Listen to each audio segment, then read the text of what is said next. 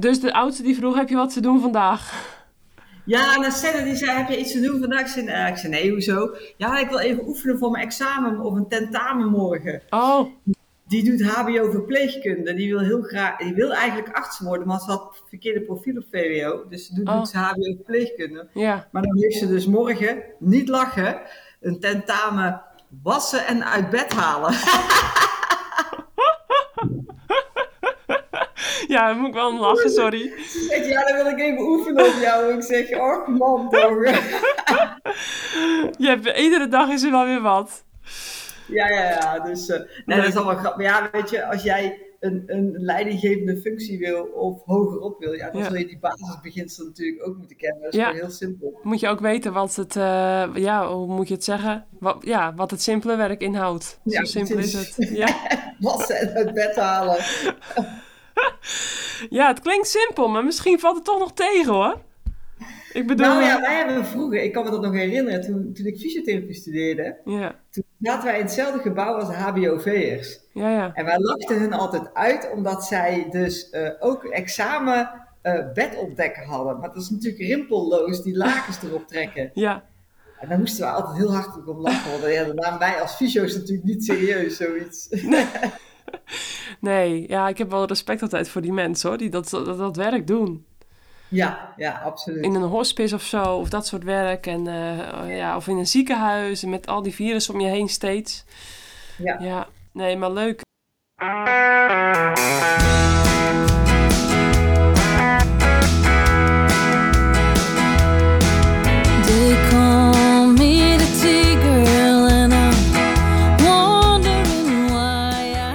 Welkom bij de Courage Podcast.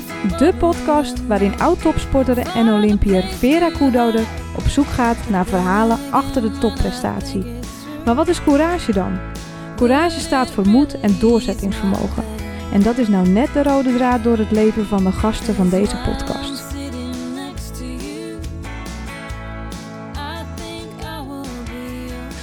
We hebben vandaag wederom een hele bijzondere gast bij de Courage Podcast die eh, digitaal is aangesloten. Ja, ik eh, ga even meteen eh, met de introductie beginnen en dan eh, ja, jou welkom heten, Natasja. Want ik ben heel blij. ehm, even kijken, wat gebeurt er nu? Oh, even, shit.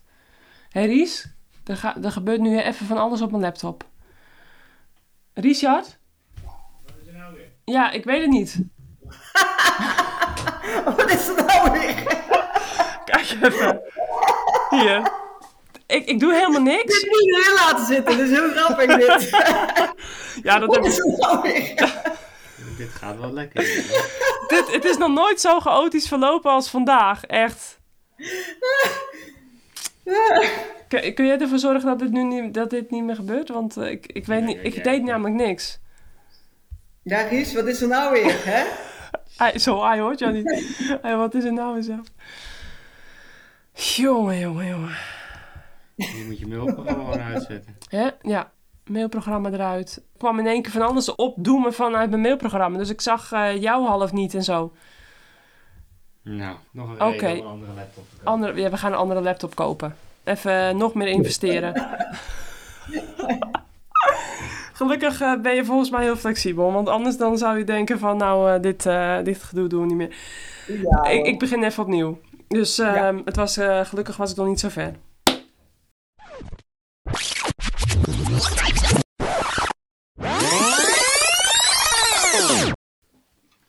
Ja, welkom eh, beste luisteraars in de tiende etappe van de Courage podcast. Een, eh, toch wel een mijlpaaltje vind ik, want in, in juli begonnen en inmiddels zijn we in oktober en hebben we toch alweer tien hele mooie eh podcasts eh, opgenomen met allemaal hele bijzondere gasten. En ook vandaag wederom een hele bijzondere gast met, nou ik denk wel dagelijks in haar dagelijkse leven heel veel courage. Natasja, hartelijk welkom. Vandaag had jij een keertje geen koers, hè? Want eh, nou, we gaan straks uitgebreid over jouw vier dochters hebben en, eh, en jouw man eh Servas Knaven. Eh, vandaag geen koers, dus gelukkig kon je tijd vrijmaken voor deze podcast. We hebben net al nou ja, best wel wat opstartproblemen gehad eh, voor deze digitale versie. Want ja, eh, meestal heb ik dan de gasten eh, bij me aan tafel zitten. Maar nu eh, tussen Meerlen en Grotebroek toch wel een logistiek puntje. Nou ja, wat dus heeft geleid tot een digitale versie. Maar goed, waarschijnlijk is de kwaliteit hoegenaamd niet veel anders dan als we het live doen. Dus nou, we gaan ehm, gewoon wel weer een leuke podcast maken, denk ik. Want Natasja, een hele sterke mening op het gebied van vrouwenwielrennen. Dus ik, ja, ik vind het heel leuk dat we daar ook over gaan hebben. Jouw dochters, jullie team Next Year Racing. ehm, de kleine terugblik op Parijs-Roubaix die we gaan hebben. Over jouw oudste dochter Brit, die heeft meegedaan. Nou ja, jouw man Servas eh, Knaven natuurlijk in de ploegleiderswagen gezeten bij Team Ineos. Al jouw opleidingen, studies die aan bod komen. Nou, we hebben echt heel veel leuke onderwerpen. Dus beste luisteraars, ga er maar even goed voor zitten. Want we zijn denk ik niet in een eh, drie kwartier klaar. Nou, ik ga jou nog even introduceren, Natasja. Want wat ik net niet heb opgenoemd, is dat jij zelf ook een hele eh, sterke, eh, succesvolle wielrenster bent geweest. Uit ehm, 1973, 24 januari geboren, eh, uit Galden, Noord-Brabant. Ja, tussen 88 en 98 toch wel zo'n 10 jaar een hele mooie wielercarrière hebt gehad. En toch wel grappig, want in 98 toen jij gestopt was, ben ik precies begonnen als nieuweling meisje. Dus zo'n 10 jaar eh wielrenster geweest. Niet onverdienstelijk, want zilver op het WK achtervolging bij de junioren behaald. Eh, ook daar, ja, ik had met, jou, met jouw dochter Brit eh, al heel veel overeenkomsten met op het gebied van piano spelen en, en, en bepaalde wedstrijden waar zij heel goed heeft gepresteerd en ik, eh, en ik dus ook. En, en nu, ja, jij zilver op het WK achtervolging behaald en ik eh, wereldkampioen op de achtervolging bij de junioren geweest. Dus daar hebben we alweer een eerste overeenkomst te pakken. Nou ja, en dan ook ehm, bij de junioren nog meer successen behaald. Ook twee keer Nederlands kampioenen op de baan geworden. Vier medailles op het NK tijdrijden behaald. Acht medailles op het NK veldrijden, waarvan vier keer goud. Ja, en gewoon een hele mooie carrière. Ook in eh, diverse eh, mooie eh, ploegen gereden. En ehm, ja, toen eigenlijk meteen na jouw wielercarrière gaan studeren, studeren, nog meer studeren. Dat begon ehm, met fysiotherapie, daarna manuele therapie in Brussel. 2003 Master of, Master of Science in de manuele therapie. Nou, daarna nog verder bijgeschoold in onder andere biomechanische resonatie. Resonantie? Nou ja, je mag het straks allemaal uitleggen, want eh, ik, ik las het op jouw eh, website. En toen dacht ik, jeetje Mina, met vier dochters en dan dit allemaal ook gedaan. Ehm, ook nog eh, volgens het NLP ja, leren coachen. En als laatste opleiding heb je dan nog stress- en burn-out coach gedaan aan de HRD Academie in 2016. Dus als ik het even opsom, kort gezegd, of lang gezegd eigenlijk, fysiotherapie, manuele therapie. Ja, dat is een heel moeilijk woord. eh craniosacrale therapie, manueel viscerale therapie, biomechanische resonatie dus, BMR, neurale systeemmanipulaties, oftewel NSM, coaching van NLP, wat ik net opnoemde, en stress- en burn-out coaching. Nou, en in 2015 ben je dan als zelfstandige begonnen met je eigen praktijk Navitas. En ehm, daar gaan we het eh, straks dus even nog eh, uitgebreid over hebben. En dus vier dochters, namelijk eh, juli 2000, januari 2003, augustus 2004 en december 2006. Dus ja, december, januari en juli, augustus waren toch vruchtbare periodes voor jullie. En ja, vier prachtige dochters gekregen. Wat ik me nu te binnen schiet, hebben die allemaal borstvoeding ook gehad, Natasja? Al die vier Nee, alleen de oudste twee. En, en, en dat was geen succes. Ik ben er niet voor in de wieg gelegd, laat het zo zeggen. Ik heb er echt geen geduld voor. Oké, ja. Nee, omdat ik nu al eh, zo'n beetje drie jaar aan een stuk borstvoeding geef met mijn twee zoontjes. En er zit dan twee jaar tussen. Maar het is super knap. Ik was eh, benieuwd. Ehm, dus welkom Natasja. Het is heel veel en eh, de onderwerpen die ik net al opnoemde. Hè, dus maar eh, ik ga het proberen een beetje in structurele banen te leiden. Maar eh, ja, excuses alvast als het niet lukt. Want eh, eh, we hebben wel eens vaker met elkaar al gekletst, telefonisch. Eh, we hebben elkaar helaas nooit echt nog live ontmoet. Maar dat gaat volgend jaar eh, hopelijk toch wel nog wel een keer gebeuren. Ja, en dan voordat we het weten zitten we dan een uur aan de telefoon. Dus nou ja, dat, eh, dat kletst heel makkelijk weg met jou. Helemaal met jouw eh, sterke mening. En nou, dat, dat vind ik eh, echt altijd ja, heel leuk om te horen. Zullen we even beginnen met een klein terugblikje op Parijs-Roubaix? Want we zijn nu een week verder. een week voor Parijs-Roubaix had ik dus gesproken met jouw man Servaas Knaven en jouw dochter Brit Knaven. 21 jaar, jouw oudste dochter Brit, die heeft dus de allereerste vrouweneditie meegemaakt.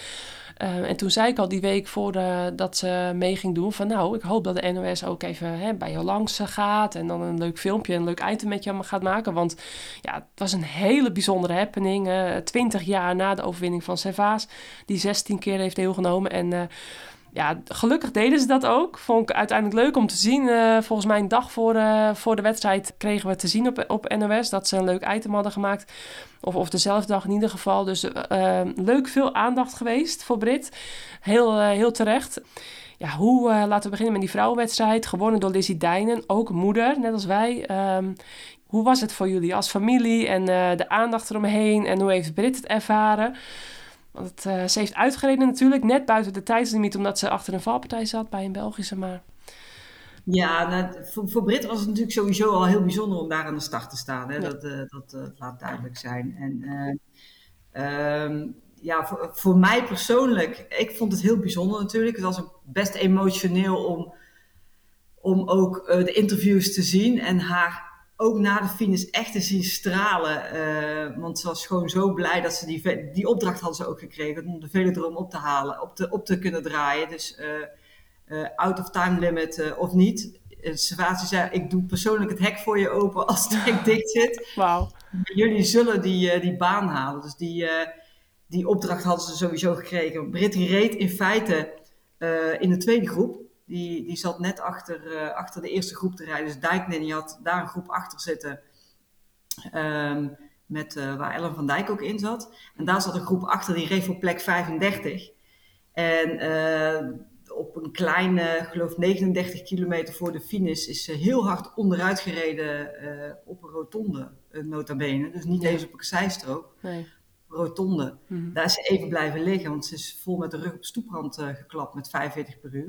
Shit. En ja, toen kwam ze dus in de achtervolgend groepje terecht. Toen reed ze lek en nog eens een keer de ketting eraf. En ja, alles bij elkaar. Maar ik vond het knap dat ze het zo kon relativeren. En eh, zo, ja, gewoon zo, zo de, de historie, of de historie, sorry, ik Ja. zeg de klemtoon verkeerd. De historie van zo'n eerste eh Roubaix voor vrouwen. Ja. Dat dan in, in feite gewoon de finish op de baan en dan eh, ja, in feite ook zo te blinken. Hè? Dat is wat Ja. ze deed. Ja. Maar ook de rest van onze rensters uiteraard. Hè? Mhm. Iedereen die heeft geschiedenis mee mogen schrijven. Ja. Eh, niet alleen de, onze rensters van Next Gen Racing, maar ook gewoon echt eh, ja, alle rensters daar. En wij hadden natuurlijk de jongste deelnemster, Ja. Rijnbeek. Die werd wel mooi even 31ste. ja, ik zag het. Heel die knap, wordt hè? 31ste eh, door lek te rijden, anders rijdt hij gewoon top 20. Heel knap, hè? Ja, Ja, echt. laat dat vooral niet vergeten dat wij daar gewoon als onder 23 jaar ploegje, Continental team, daar wel degelijk thuis horen. Ja.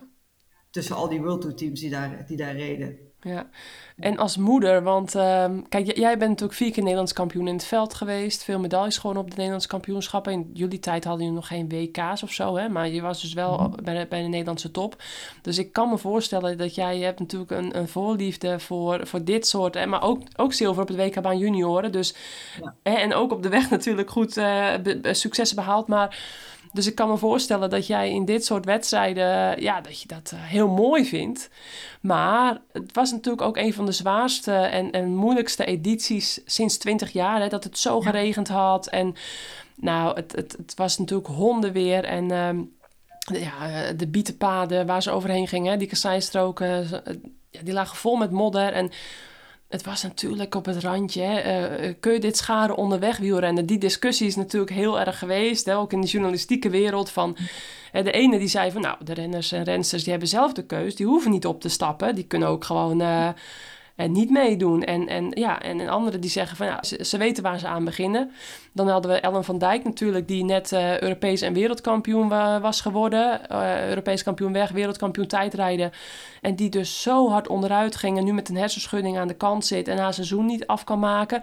Ik had ook gekscherend in mijn boodschap bij eh, de... Ik had zo'n regenbos veldboeket gestuurd. En die had ik expres wat later gestuurd. Eh, ja, ik denk nou, ze zal nog wel podium rijden, prijs. Dus dan kan ik die er meteen bij zetten. Ja, en eh, ja, nu was het dus ook een beterschapswens tegelijkertijd, naast de felicitatiewens. Ja, ik vind het dan toch wel heel zonde. Hè? En een Annemiek van Vleuten die zich ook had over laten halen om mee te doen, terwijl zij met haar gewicht en haar ja, hè, ja, stuurvaardigheden, die niet eh, ja, dusdanig hoog is al, als veel andere meiden, ja, dat, ze, ja, dat die nu toch ook een hele lange tijd weer eruit ligt. Had ze ook achteraf een beetje spijt van, eh, vertelde ze. Dus ja, zo zijn er toch heel veel kleppers bij de mannen en de vrouwen die dan voor langere perioden weer moeten revalideren, et cetera. Ja, het was natuurlijk een beetje op het randje. Hoe kijk jij daar tegenaan? Nou, ik vond het, dat vind ik eigenlijk wel, grappig dat je dat zo zegt. Ehm, vrijdags heb ik eh, die, die run-up series zitten kijken, eh, die door José Been eh, onder Ja. andere worden gemaakt. En dan zeggen dus echt een aantal meiden, I really hope for a wet edition. Oh. Ja, en Oh, toen zei ik ja. dus al van nou, ze weten echt werkelijk waar niet waar ze over praten. Je wil, tuurlijk hè, we zijn met, met heel erg met dat equality bezig, hè, dat Ja. gelijkheid tussen man en vrouw. Mijn mening is daar heel sterk in. Wij zijn niet gelijk. Ja, helemaal met je eens. Hadden mannen wel een baarmoeder gehad en wij ook een prostaat. We zijn niet gelijk, evolutionair gezien, punt. Ja, Daar wil ik heel duidelijk in zijn. Eh, ik geloof wel in gelijke kansen. Maar eh, met zes een weekend doen eh, in, eh, op, Parijs-Roubaix, op het Parijs-Roubaix parcours is iets heel anders Mhm. als met 100 over natte pa eh, pavéstrook, over die, die natte secteurs gaan rijden. ja, Dat is iets heel iets anders. En Ja. daarin denk ik, ehm, ja, ga, hem- ga hem eerst maar, toen dacht ik dus echt van, ga hem eerst maar eens op een droge editie rijden en kijken wat er dan gebeurt. ja, En ehm, dat, het, dat het op het randje is, weet ik niet. Het is een andere vorm van wielrennen. ja, Kijk, als, eh, als, eh, als de UCI nu in één keer een eh, WK gravel gaat organiseren, dan kun je ook bedenken, moeten we dat onder gravel of onder, onder wielrennen scharen? Hè? ja, Uh, maar als je dus ziet wat er gebeurt op het moment dat Sonny Colbrelli op zondag over die streep heen komt, Mhm. de emotie die daarin vrijkomt, dat kan maar één wedstrijd. Ja. En dat is enkel alleen Parijs-Roubaix. Dat kan een WK niet evenaren, dat kan een Ronde van Vlaanderen niet evenaren. Dat is alleen de, de, het, het epische ja, aan, eh, en de heroïek aan, eh, aan die ene wedstrijd. Het is niet voor niks, hè, de La Reine des Classiques. ja. En de, en de geschiedenis, hè, 120, hè, 120 Ja. keer, 120 jaar al. Ja, en, en dat is dan denk ik, ja, daar heb je specifieke renners voor nodig. Ja. En eh, ja, als je dan het, het bruggetje kunt maken naar eh, de eetproblematiek, eh, zeg maar, eh, binnen het wielrennen momenteel, Ja, eh, dan denk ik eh, dat juist zo'n wedstrijd een, eh, een hele welkome eh, verandering is. Ja. Omdat eh, dit wedstrijden zijn niet voor de lichtgewichten. nee, Alhoewel Lizzie Dijkman natuurlijk eh, eh, heel rank is. Alleen, ja, ik denk dat als je eh, moeder bent geweest, dat je toch een bepaalde ja. Oerkracht in je hebt die anders is dan als je nog eh, niet bent bevallen. Ja, ik denk het ook. Ik, ik vond het zo mooi om te zien. Hè. Zij is één dag na mij dan bevallen van haar dochtertje. En toen hebben we ook regelmatig contact gehad daarover. Over die zwangerschap en eh, over hoe het was en eh, hoe bijzonder. En ja, we zaten exact in hetzelfde schuitje. Ja, dus zij als moeder, als die eerste editie winnen... Ja, een, betere winnares hadden ze zich bijna niet kunnen indenken, denk ik. Hè? Hoe, hoe je dan ook ehm, alles bij elkaar laat komen van... Ja, laten zien dat niet alleen vrouwen het kunnen, maar ook gewoon moeders en... Ja, hoe zij dat ook allemaal eh, doet. Hè? Dan eh, als, als, als knecht eigenlijk starten. Zoals derde in de pickorde in, binnen het team. En dan toch gewoon zo vroeg. Ja, dat is nou echt ook weer een typisch voorbeeld van courage. Zo vroeg in de koers dan bij de eerste stroken vandoor gaan. En dan maar gewoon ja, blijven rammen, rammen, rammen. En uiteindelijk iedereen achter je ja, die, die valt. Of die zich stuk bijt op, op, de, ja, op de voorsprong die je hebt geslagen. En, ja, en dan solo ook nog aankomen. Ehm, ja, natuurlijk super gaaf. En ze, ze had ook quotes hè, in de media, hele goede quotes op zijn ehm, en dat ze het ook heeft gedaan voor al die generaties zoals jij en ik. Die dus nooit dit soort wedstrijden hebben kunnen rijden. En, eh, ja, en, en dat ze het dus ook doet voor, de, hè, voor haar dochtertje, de generatie van haar dochtertje. Dat die niet meer dit soort overwinningen hoeven te behalen op het gebied van hè, dit soort koersen mogen rijden. En je hè, mogen laten zien als, als, als wielrensters en eh, wa- waar we ook toe in staat zijn. Dus het, het was een, fantastische winnares. Een heel mooi podium hè, met ook een hele sterke Marianne Vos... die weer laat zien dat, je er, ja, dat, dat ze er weer bij zit. En kijk, ook die, eh, die techniek van Lizzie die ze heeft meegenomen vanaf de baan... en, Marianne vanaf het veld, die zag je natuurlijk ook wel weer duidelijk terugkomen. En dan een sterke Elisa Longoborghini, de Italiaans kampioene, als derde. Dus het was een fantastisch podium echt een showcase. Het was een hele ja, mooi koers om te zien, vond ik ook. Eh, ja, ondanks de heftige valpartijen. Ehm, vanaf de bank vond ik het dus heel mooi. Maar ik weet, ik weet niet of ik het als renster zelf had willen rijden, omdat ik mijn eigen kwaliteiten ken. Ja, en, en dat was niet het vechten voor, een, voor zo'n voor zo'n strook. Hè? Het, het, het, duwen, trekken met de ellebogen, daar was ik gewoon ja, te, te lief voor had ik te weinig, eh, ja, had ik te weinig eh, lef voor. En, eh, of ik wilde de risico's niet nemen, zware valpartijen in het verleden. Dus dan ook al een beetje angst, onbe- onbewust. Nou ja, dus zo moet iedere renster of renner denk ik dan voor zich inderdaad zelf goed je, je, je kwaliteiten kennen. En dan Ja. de keus maken van doe ik het wel of niet. En als je dan doet, dan ook de gevolgen natuurlijk, eh, die horen er dan bij. En dan bij jouw dochter Brit helaas gebeurde dan inderdaad dus niet op de kasseistrook. Dus ehm, gelukkig was het zonder al te veel erg, hè, begreep ik. Dus Ja, ja, ja. dat... eh, Maar dat is natuurlijk bij de meeste, hè? De- bij de meeste is het allemaal zonder te veel erg. Ja. erg. En het zijn er net die paar die dan ja, eh, ja, ernstig geblesseerd raken. ja, ja, dat mag zeker niet de overhand nemen over het mooie van deze, van deze koers Nee. natuurlijk. En die overwinning die het vrouwenwielrennen hier in feite haalt. ja, zeker. Dus eh, Zeker. volgend jaar eh, staat hij gewoon weer op de kalender in het voorjaar. En Brit heeft al aangegeven, dan hoop ik er zeker weer bij te zijn.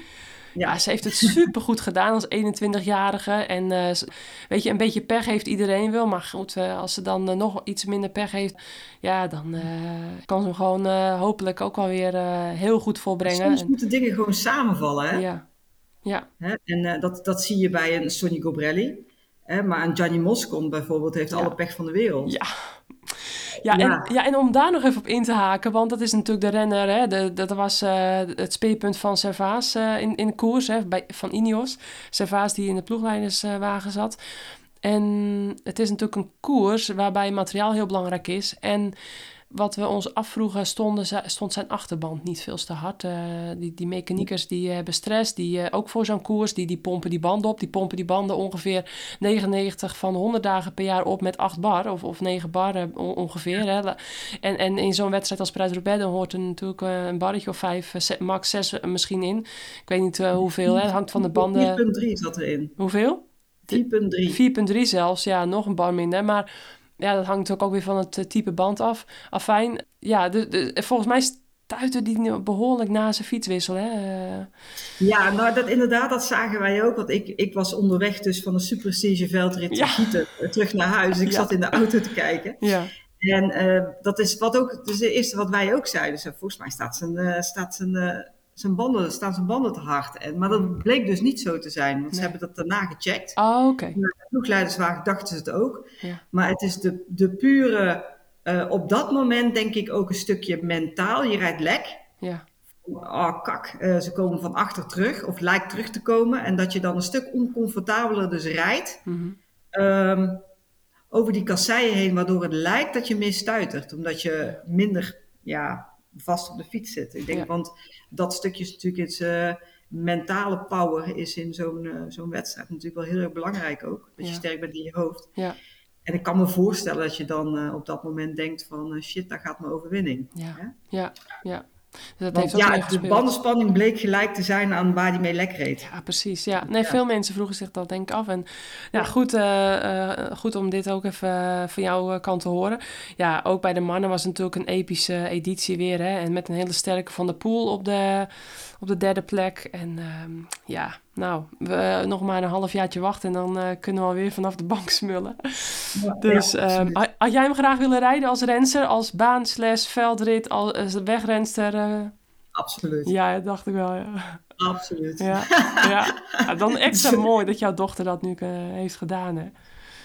Ja, ja, ja, zeker, zeker weten. Ja. Dus eh, ja, zoals ik al zei, het is, het is een stukje eh, overwinning voor de, voor de vrouwenwielersport. Het Ja. is natuurlijk ook een beetje gek dat toen ik koerste, dat we wel een Tour Féminin hadden. Ja, En dat, dat het nu lijkt alsof dat we weer een eerste Tour gaan hebben, terwijl dat het altijd wel is geweest. klopt. Gek is dat. Ja, maar ja want, want toen had je een echte Tour Feminin. Die, die finishte ook op dezelfde dag als de mannen. Ja. Wat ze dus Ja. nu gaan doen is, is leuk. Hè? De ASO, een meerdaagse, een achtdaagse na de Tour. De mosterd na de maaltijd noem ik het maar. Ik eh, moet het nog zien, want al de journalisten, de media, de, nou ja, iedereen, noem het maar op. Die is dan drie weken Tour de France voor de mannen is. Denk ik hè, dan is iedereen een beetje klaar mee. Weet je, op- ja, ja. Ja, en dan... eh, ja, weet je, het is een eerste stap, hè? ja, Het is een eerste stap naar voor de, voor de ASO dan ook. Mm. We- Die ASO heeft natuurlijk al wat, wat laten zien met Luik, Pastenaken, Luik en, en dat Ja. soort wedstrijden. en La Dat ze- Course natuurlijk op dezelfde dag. Ja, Of dagen. ja, absoluut. Ja. dat is natuurlijk La Course. Ja, het, het, het blijft dan ook wat het natuurlijk is geweest op de Champs-Élysées. Ja. Het blijft dan ook nog wel meer een, een, ja, een eendagwedstrijd.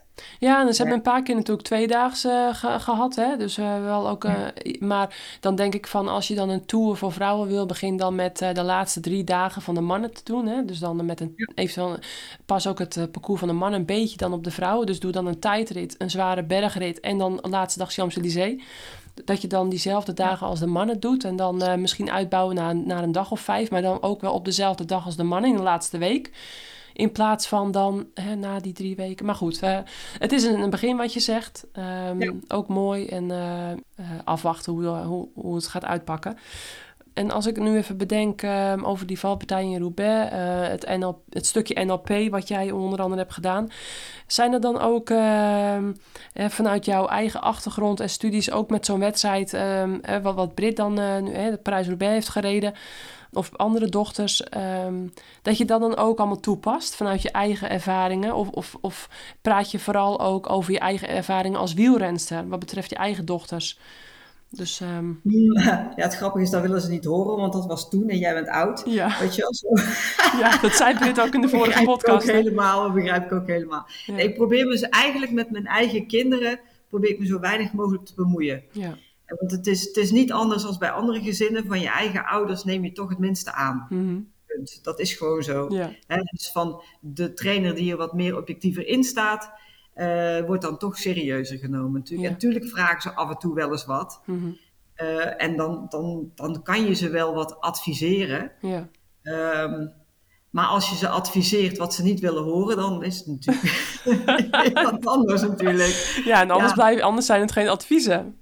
Zijn Nee, toch- precies, precies. Dus Ja. eh, nee, maar dat, is, dat is wel grappig. eh, Ja. dat, eh, hoe, hoe dat dan werkt, dat dat echt niet anders werkt als in andere pubergezinnen of zo. Nee, precies. Ja, ja, je hebt echt de pubere zin inderdaad. Ja. Ja, ja want als, als we dus even nog... Hè, dat NLP heb jij gedaan, want dat is natuurlijk... Had, ik denk dat ik zelf als wielrenster misschien wel contact met jou had moeten opzoeken. Want dan had je een onbewuste angst die ik na een aantal valpartijen... toch een beetje onbewust bij me droeg. Die kun je daar waarschijnlijk dan proberen mee weg te halen. Hè? Dus het eh, neurologisch eh, programmeren, hè? Ja, het is een beetje neuro, neurolinguistisch programmeren. Hè? Het is- Ja. NLP gaat heel erg over taal natuurlijk. hè. Mhm. Taalgebruik, hoe steek je eh, zaken in. Ja. Ehm, het, bijvoorbeeld het, de, de, het woordje waarom, dat mag niet. Het is Hm. altijd, wat is de reden dat? Waarom klinkt heel negatief. Wat Ja. is de reden dat? Is, klinkt al wat toegankelijker, wat positiever. Ja. Ja, dat, dat soort dingetjes. Ik moet heel erg zeggen dat ik eh, ehm, vaak met dat... Het moet geen trucje zijn hè, wat je doet. Nee. Je moet het ook wel echt voelen. Ja. En daarin komt dan een heel stuk intuïtie en het aanvoelen van eh, je cliënt ehm, eh, naar boven. Ehm, wat heeft diegene eigenlijk echt nodig? Ja. Want je, je kunt wel met woorden iets zeggen, maar er niet met, bij je cliënt bij zijn. Dus het gevoel hebben met iemand en de klik. Ja. Ja, dat gaat gewoon zo, zoiets echt niet werken. Nee.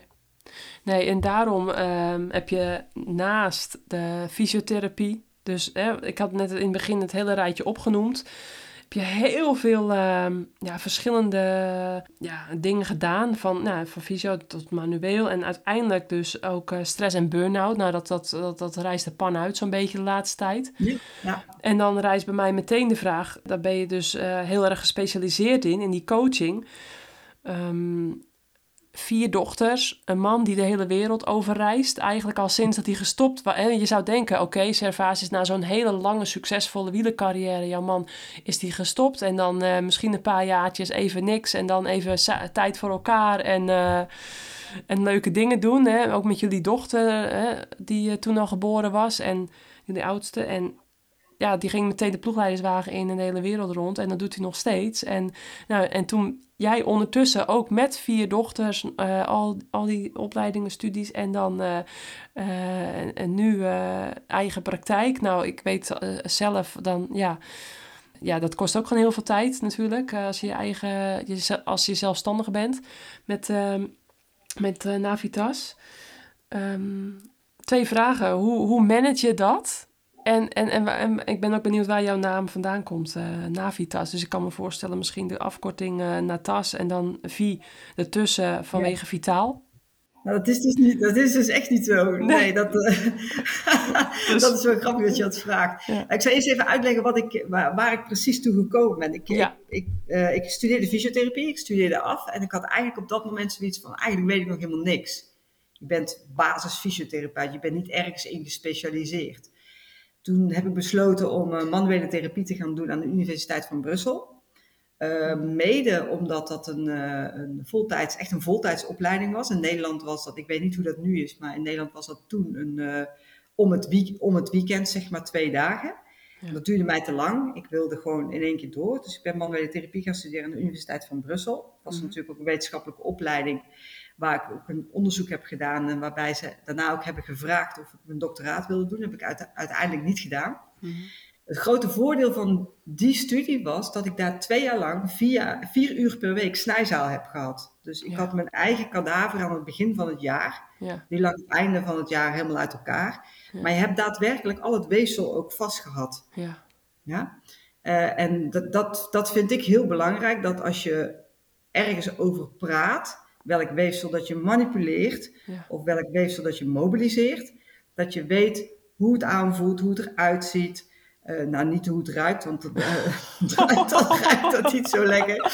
Maar Nee. eh, dat zeg maar, en hoe de bezenuwing is, hoe de bevloeiing is, ja, dat, je, dat je dat weet, dat je duidelijk weet waar je over praat. Dus studeerde ik daar af.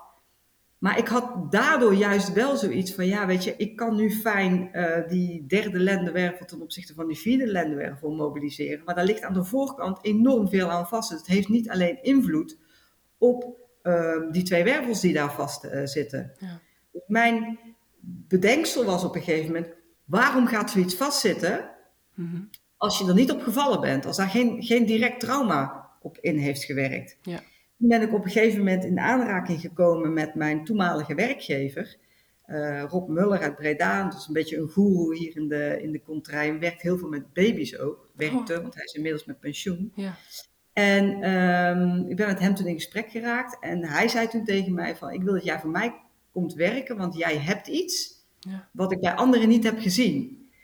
En ik ben daar dus ingerold en werk dus met het hele viscerale systeem. Dus de viscera zijn de organen.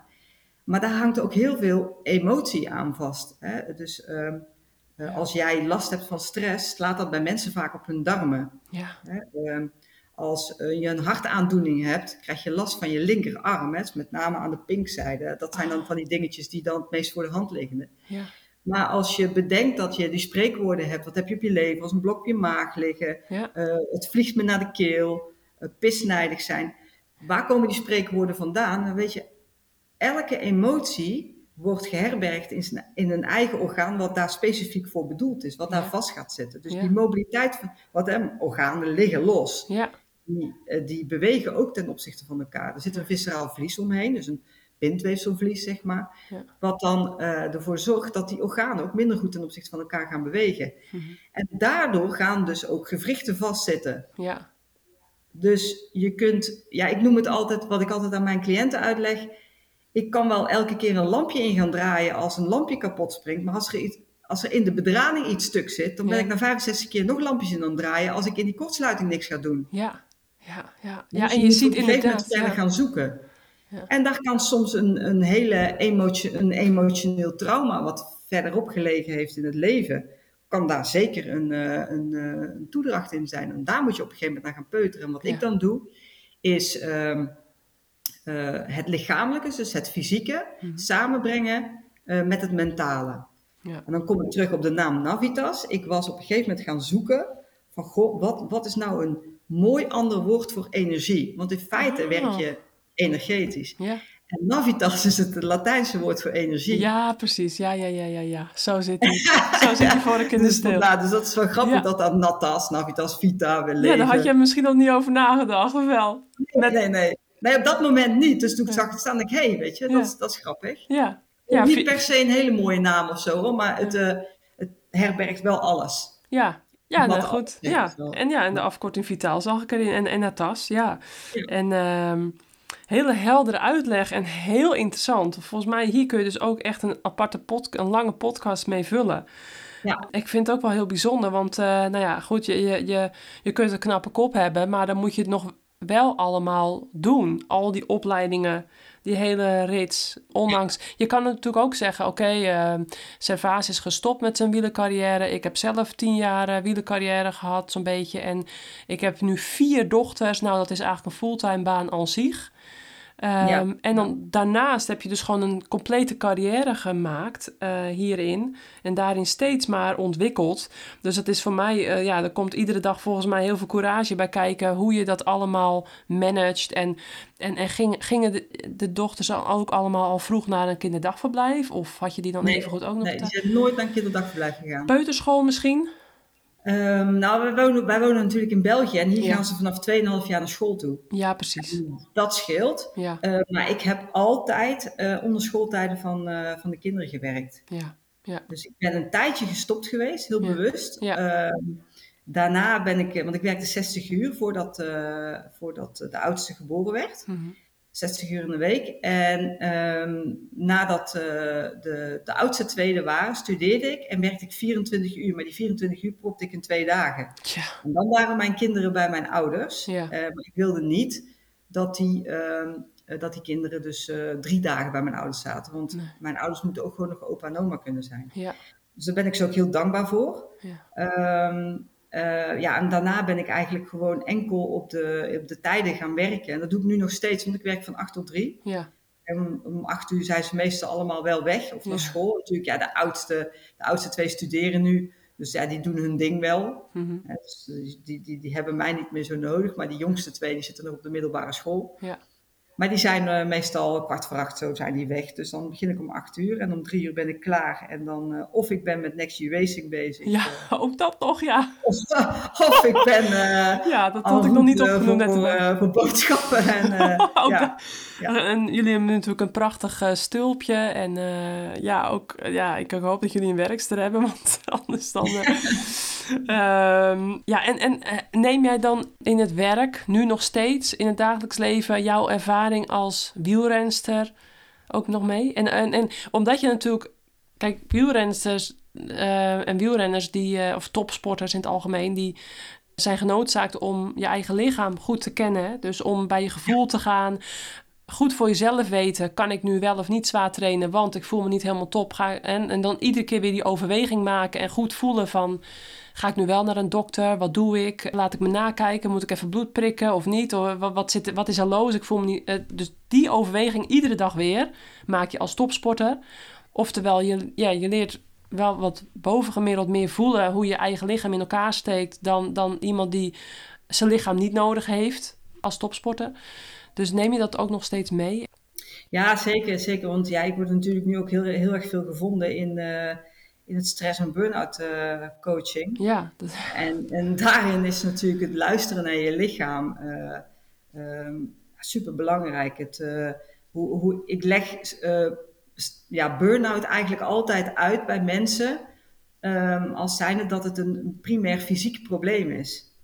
En dan, en dan want de meeste komen dus allemaal van een psycholoog af. En daar wordt niet uitgelegd dat je echt in een hormonale disbalans zit, omdat je jezelf gewoon compleet uitput. De Ja. cortisolgehalte is vaak zo hoog dat je daardoor gewoon hormonaal in disbalans raakt en Ja. daardoor dat korte lontje creëert.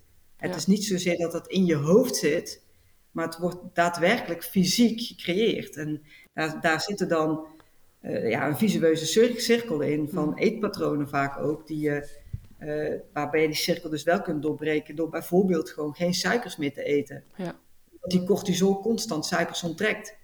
En continu de, de smartphones en, de, de- en de, de tablets en de, de, de digitale wereld. De hele dag, alle prikkels. Dus, eh, Ja, dat helpt natuurlijk niet mee, hè? Dat helpt absoluut niet mee gewoon. Waarvan de ene mens dat natuurlijk beter kan handelen als de ander. Maar sommigen die dat dus eigenlijk van nature niet zo goed kunnen handelen, maar toch de hele dag eh, die behoefte hebben eh, om die, die, hè, het nieuws, de, de social media te volgen. eh, daar zit misschien ook een stukje in. Hè? Dus eh, buiten dat ze het misschien. eh, ja, we hadden het in het begin van deze podcast over de equality, hè? over het, eh, de emancipatie die natuurlijk eh, gigantisch hard is opgekomen. De vrouwen die eh, ook, eh, net als de mannen, carrière wilden maken en alles wilden. Ondanks, en dan komen de kinderen er nog even achteraan. En ja, oké, dan doen we die maar zo vroeg mogelijk op een kinderdagverblijf. Zie ik heel vaak om me heen. Daar heb Ja, ik ook wel een hele erge mening over. Dus dat stukje in combinatie met al die, die druk. Hè, de vrouwen zijn ook geacht tegenwoordig allemaal om maar zo goed mogelijk carrière te maken. Maar dan willen ze eigenlijk ook moeder zijn. eh, vooral met, met, met meer dan twee, drie kinderen. En ik zie dat Ja. ook voorbij komen bij jou. Dat dat, dat het eigenlijk gewoon dan tegenwoordig te, Het, te het veel kan is. niet, hè? Het, Nee. het, gros, eh, het gros wat hier op tafel ligt zijn jonge vrouwen. Hmm. Ehm, In de kracht van hun, ene- in de kracht van hun leven. Ja, maar ze willen inderdaad allemaal eh, een goede vriendin zijn, een goede vrouw zijn, een goede moeder zijn, een goede dochter zijn, een goede eh, minnares zijn. Want eh, dat, dat er ook nog vaak bij. Een goede kok zijn, ze moeten een goede poetsvrouw kunnen zijn. Ja. Ze moeten een goede werknemster kunnen zijn of werkgeefster. Ja. Ehm, eh, ze moeten gezellig zijn, ze moeten kunnen lachen om, eh, om, om de grapjes van hun omgeving. Ze moeten zelf veel humor hebben. Ja. Ze moeten slank zijn, ook zo'n ding. Ja. Ze moeten er verzorgd uitzien. Ehm, ehm, en dan krijg je ook nog het modeverschijnsel, de me-time. Ja. Hoe ga je dat allemaal inplannen? Ja, ik vraag me dat dus af. Ja, je, je slaat de spijker op zijn kop, zeg- ja. Ja, ik zeg niet dat ik de waarheid in pacht heb, hè, maar ik zie het wel om me heen. En Ja. natuurlijk heb ik, als ik, als, wat jij dus opnoemt, dan denk ik zo, ik heb wel heel erg veel gedaan. Maar ik heb het altijd geprobeerd te managen Mhm. ehm, in het kader van de kinderen. Ja. Dus mijn kinderen zijn nooit naar een kinderdagverblijf geweest, omdat ik zorgde dat ik er was op het moment dat ze thuis waren. ja, En dan, je kunt heel veel doen hè, in 24 uur. zeker. Ja, maar als je, als, tenminste als je niet ook nog alle social media verplichtingen jezelf oplegt. Ja. Want dat doen heel veel jonge meiden vooral, hè. Het perfecte, het perfecte digitale wereldje. En dat is Ja, denk ik... eh, ja, ik gebruik altijd de time management eh, Ja. eh, case van eh, Stephen Covey. Om dat te laten zien. eh, ja, dus voor de luisteraars die het niet weten, van zoek hem maar eens op. Stephen Covey, ti- eh, time, time management. ja, En dat is wel een hele leuke, eh, ja, in, in, in beeldspraak laten zien eh, hoe, eh, hoe zoiets werkt natuurlijk. Hè, met de, de grote stenen, de kiezels en het zand. Ik eh, ga het eh, meteen luisteren of opzoeken als, ik, eh, als, we, als we vanmiddag, of nou, vanmiddag, ja, misschien eind van deze ochtend klaar zijn. Ja, echt heel interessant om te horen. En hoe, wa- wa- wat raad je dan de meeste aan? Waar, waar, waar moeten ze dan beginnen? Met, om, om een succesvolle verandering door te voeren en weer terug, even naar de basis en weer terug. Gewoon een, een, een, een gezonde ja, levensstijl, zou ik het maar noemen. Wa- Waar, waar kom je Nou, meestal op uit? Bij, bij deze jonge moeders, eh, slash eh, werknemsters, slash eh, echtgenotes, Ja, is het vaak een stukje eh, ehm, eh, bewijsdrang. Maar wat ik heel vaak ook zie uit een generatie komen waarbij hard werken als het ware de enige levensbehoefte is. mhm. ja Als dus je een goede werker bent, dan ben je een goeie. leven om te werken of werken om te leven bedoel je? Die, die Ja, keus, die, dus dat, ja, die heb je En eigenlijk. ja. natuurlijk, ja, je, je, je, kunt, je kunt natuurlijk op een gegeven moment volgens mij een hele podcast gaan vullen over emancipatie. Of de emancipatie wel zo geweldig is geweest. Want, of, of het nou emancipatie of feminisme. Ja. Maar ik denk sterk dat juist doordat we ehm, in, in dat equality zitten. En ja, we hebben het dan net over sport gehad. Maar in het, gewoon in de maatschappij natuurlijk. Hè, vrouwen hebben zoveel rechten om, eh, om een bepaalde carrière op te bouwen en hetzelfde salaris te verdienen. Ja. Maar ik denk sterk, en, maar dat is mijn mening, ik weet niet of dat zo is, stiekem denk ik van wel, is wel alles gebaseerd op tweeverdieners. Ja, Dus zeker. het is voor starters super moeilijk om in je eentje dus een huis te vinden. Ja, Zeker, ja, eh, iedereen eh, werkt, werkt voor de hypotheek natuurlijk tegenwoordig. En daar komt dan ook een heel groot stuk druk en, en ja, dat komt erbij kijken. En, en dan moet je, hè. Dus dan als je eenmaal die keuze hebt gemaakt, ja, dan, dan moet je ook met z'n tweeën, als je in, in een te groot huis gaat wonen met een te hoge hypotheek. In plaats van dat je denkt van nou, ik kies gewoon eieren voor mijn geld en voor wat meer, ja, iets, iets soberder allemaal, maar dan wel zonder die druk. En eh, het is allemaal ehm, tegenwoordig beter, hoger, verder, meer, meer, meer. Nooit tevreden zijn, instant satisfaction. Ja, ik, eh, vraag me dat dagelijks ook af, hè. Om daar zelf eh, proberen niet in mee te gaan. Het is best Ja, wel eens lastig. Het is een hamvraag voor wie doe je het. Ja, precies. Maar dan vallen mensen vaak stil. Ik heb, een, ik heb een, eh, een, boven mijn behandeltafel een plaatje hangen. En dat is een plaatje van Ott en Sien uit 1902, van Jets, door Jetses getekend. En dat Ja. is het plaatje waar al de woorden van maan, roos, vis, vuur in zitten. Ja, ja, ja. Hè? Ehm, nee, aapnootmies bedoel ik. Sorry. Ja. Nou, vuur komt daarna. Ja. En Ja. ik krijg dus heel vaak ook van jonge mensen te horen van... Oh, naar dat plaatje kun je blijven kijken. Daar word ik op een of andere manier rustig van. Ik zei, weet je hoe dat komt?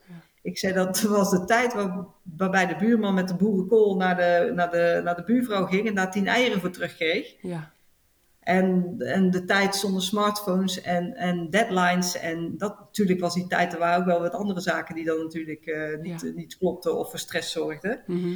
Maar dat was wel een bepaalde, ja, rust. het geeft er wel een bepaalde rust. Ja, Als ik naar mijn eigen jeugd kijk en naar wat er nu allemaal gebeurt, dan denk ik, jeetje mina, ja. mijn grote vakanties eh, die duurden zes weken. mhm. En dat was voor mij een eeuwigheid. Maar zes weken lijkt nu wel of dat te kort is. Ja, inderdaad. De tijd vliegt zo snel voorbij, hè? Ja, en dan zeg ik dus net, hè, als je dus jouw eh, jeugd vergelijkt met, eh, met die van jouw kinderen, dan eh, komen we meteen, ja, voordat we dat onderwerp, hè, want dat, dat is ook nog wel een, een mooi onderwerp, denk ik, om te bespreken. Als we dan naar, naar Senne gaan, naar jouw, jouw ene oudste dochter. We hebben Brit van 21, Senne van 18, Mere van 17 en Vee van 15. Nou, 14. Senne, 14. of 14 nog zelfs. Eh, dus 21, 18, 17 en 14. En eh Senne van 18, die eh, natuurlijk ook succesvol, heel succesvol fietst. Ook veldrijden, wegwielrennen.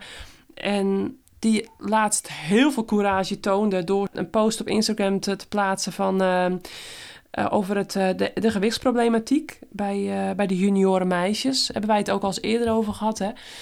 Het is denk ik deels een beetje ehm, de maatschappij die daar ten grondslag aan ligt.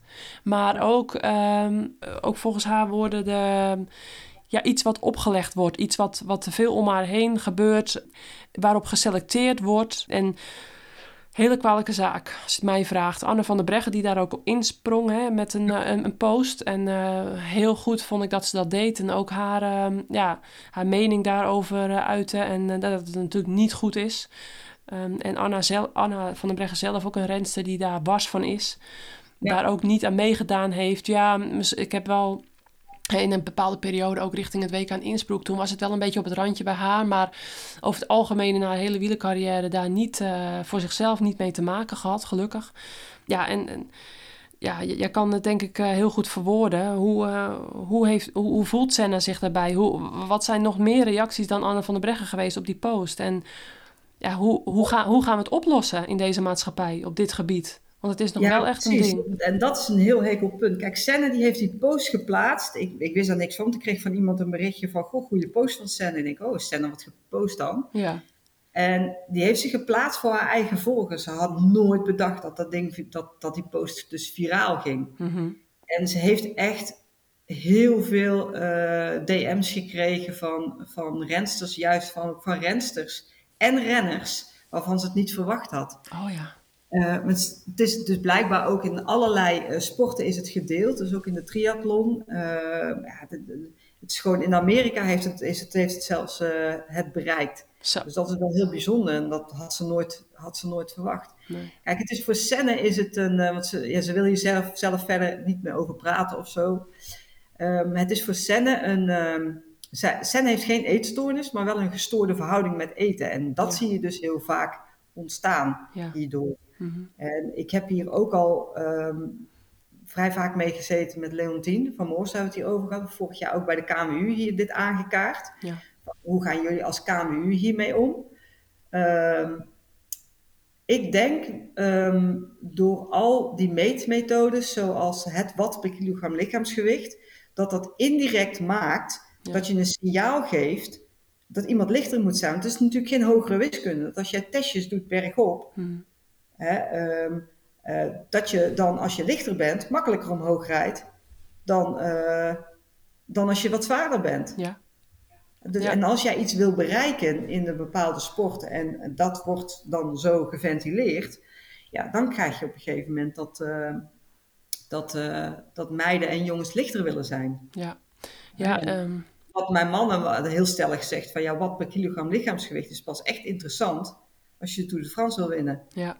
En Klopt. daarvoor, zeker niet op die leeftijd, horen, horen ze daar niet mee bezig te zijn en hoort daar niet op geselecteerd te worden. Ja. Ik denk dat je vooral moet gaan kijken hoe wordt er gekoerst. Ja, want er is door eh, een aantal andere meiden uit de World Tour ook al signaal gegeven. Ja, weet je, er worden profcontracten eh, gegeven naar aanleiding van Swift Academy. Ja, Ja, dat is allemaal heel erg leuk. ja. Cross kan niet sturen. Nee. En daardoor dus, misschien is dat dan ook wel een gevolg dat er veel meer valpartijen zijn. Ja, ja. Ja, het is heel interessant hoor. Kijk, we hebben natuurlijk recentelijk eh Ellen van Dijk gehad als Europees kampioen op de weg. Op een heel zwaar parcours in Italië, in Trento. En Ellen natuurlijk een van de zwaardere van het peloton. Maar gigantisch veel power.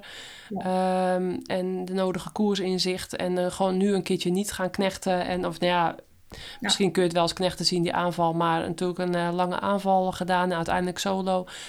Ik zelf werd ook al bij de junior meisjes wel ehm, aangekeken van Vera kan niet klimmen. En het eerste jaar toen ik 16 was en ik won het NK tijdrijden met, eh, met twee minuten voorsprong eh, op een meisje wat iets lichter was. Die ging uiteindelijk, die werd vijfde op het WK waar ik niet voor geselecteerd werd, want er zat een heuvel in. En ja, Vera die zal er wel te zwaar voor zijn Ja. als wereldkampioen puntkoers. Dus dat was toen al voor mij op 16-jarige leeftijd heel moeilijk om dat ook een plek te geven en te verwerken. Want ja, je bent gewoon de beste op zo'n jonge leeftijd. En je wordt gewoon ja, niet geselecteerd omdat je groot en sterk bent. En het parcours is te heuvelachtig, wordt, hè, wordt dan gedacht. En, en ja, al andere factoren die dan nog een rol speelden, maar het doet er niet toe. En het jaar daarna, het, het zwaarste WK-parcours ooit in Lissabon. ehm, ja, daar werd ik toen achtste met 69 of 68 kilo. Als junior meisje, als 17-jarige. Nico Koek won. Pleunie Meulman, die werd tweede. En een uh, mountainbikester, uh, Maya Lososka, die nog steeds nu succesvol mountainbikester is. Ook heel mager, maar ja, die werd dan derde. Dus het was wel echt een klimparcours. Maar toch ja, zat ik gewoon in het groepje wat sputte voor de vijfde plek. Op het allerzwaarste WK-parcours ooit. Ja. En ik heb me toen helemaal niet uh, uitgehongerd of wat dan ook. Uh, na die wereldtitel op de achtervolging van een paar maanden daarvoor. Omdat het dan heuvel op ging. Ja, ik vond fietsen gewoon heel leuk. En ik wilde gewoon zo hard mogelijk. En als ik honger had, dan at ik. En ik dacht er helemaal niet over na. Totdat ik als eerste of tweedejaars dame bij de nationale baanselectie aan een... Aan een voedingsdeskundige gekoppeld werd in de winter. En die dan ging vertellen, ja Vera, je bent twee kilo te zwaar. Ja, ik heb net een rustperiode gehad. Ik, heb, uh, Ja. hè, ik ben, ben wat losbandiger geweest. Want ik heb het hele seizoen op mijn eten gewoon gezond gelet. Hè, op een gezonde manier. Ja, pff, ja nu. En die, en die paar kilo, joh. En die gaan er eigenlijk gewoon binnen een paar weken of binnen een paar maanden weer af. Maar daar werd toen heel erg op gehamerd. En ik herinner me nog dat het sindsdien ook mentaal op dat gebied veel geforceerder en minder ja, goed is gegaan. En, en dan dat je dan af en toe weer een, ja, ook een dieet gaat proberen. En ja, dan, waar, waar, dan weer, uh, ja, en net als jouw dochter Senna opnoemde, dan weer een eetaanval uit voortkomt dat je te weinig hebt gegeten. En dat is voor mij, denk ik, het, het belangrijkste: dat de jongere meiden niet te veel nadenken op dat stukje. En vooral doen wat, wat, ze, wat ze leuk vinden, en dat is hard willen fietsen. Ja. En, en daarvoor trainen. En dan, dan gewoon gezond eten. Af en toe ook wat lekkers tussendoor. En, en als je daar behoefte aan hebt. Maar vooral die, die grote basis op orde hebben. En dat is gewoon, ja, iedereen weet wel. Uh, daar hoef je niet uh, voor gestudeerd te hebben wat gezond eten is. En ja. gewoon daar een balans te zoeken. En, en niet te veel over nadenken. Want toen ik erover na ging denken. Ja, dan, dan ga je ja, de andere kant op te veel. En dat is wat denk ik bij die meiden dan gebeurt. Als bij voorbaat wordt gezegd, je moet licht zijn om goed te kunnen klimmen. Dat is gewoon pertinent niet waar. Dat he, ja, ik, ik heb ook bepaalde klimkoersen uh, van voren gereden. Ook Holland Hills Classic podium gereden. Dat soort wedstrijden in Limburg. Uh, ja, dat, dat, dat bewees ik ook gewoon met uh, ja, een gewicht van rond de 67 kilo. Ja, het echte klimwerk is er ook eigenlijk niet meer, hè, dat Nee. vrouwenwielrennen. Eh, want ja, jij zegt Holland Hills Classic, maar het is in feite is dat op het moment dat je echt aan klimmen gaat denken, dan ga je over het hooggebergte denken, Ja. over de klimmetjes van drie kilometer. Ja. Maar die heb je in Nederland niet. Nee, En de, ook de Ronde van Vlaanderen is vooral explosiviteit en power. precies. En daar is dus gewoon heel licht zijn ook niet nodig. Waar we met de vrouwenwielersport heen moeten, als we het over equality hebben, is op een gegeven moment ook gaan, eh, eh, een zo'n brede basis gaan maken, dat we straks een veel bredere top hebben met specialisten. Ja. Zoals in het mannenwielrennen. Precies. Hè, want nu zijn het altijd dezelfde rensters die van voren rijden. En om dan een bruggetje te maken naar eh, ehm, wat er nu gebeurt met de UCI, dat die 15 World Tour teams wi- willen. Waar ga je al die rensters vandaan halen? Ja. Ja. Waar ga je al die rensters in godsnaam vandaan halen als jouw top zo smal is? Als jij Strade Bianchi kijkt, drie vierde van die kopgroep stopt. Ja. Ja. daarachter, daar zit een heel veld. Alleen moet je daar eh, 15 World Tour teams mee gaan vullen? Ik vraag het me af, want op een gegeven moment wordt het vullen, hè? Ja. Ja, en dan, dan kun je je afvragen of inderdaad de kwaliteit die dan die World Tour teams hebben, of die, ja, of die kwaliteit hoog genoeg is.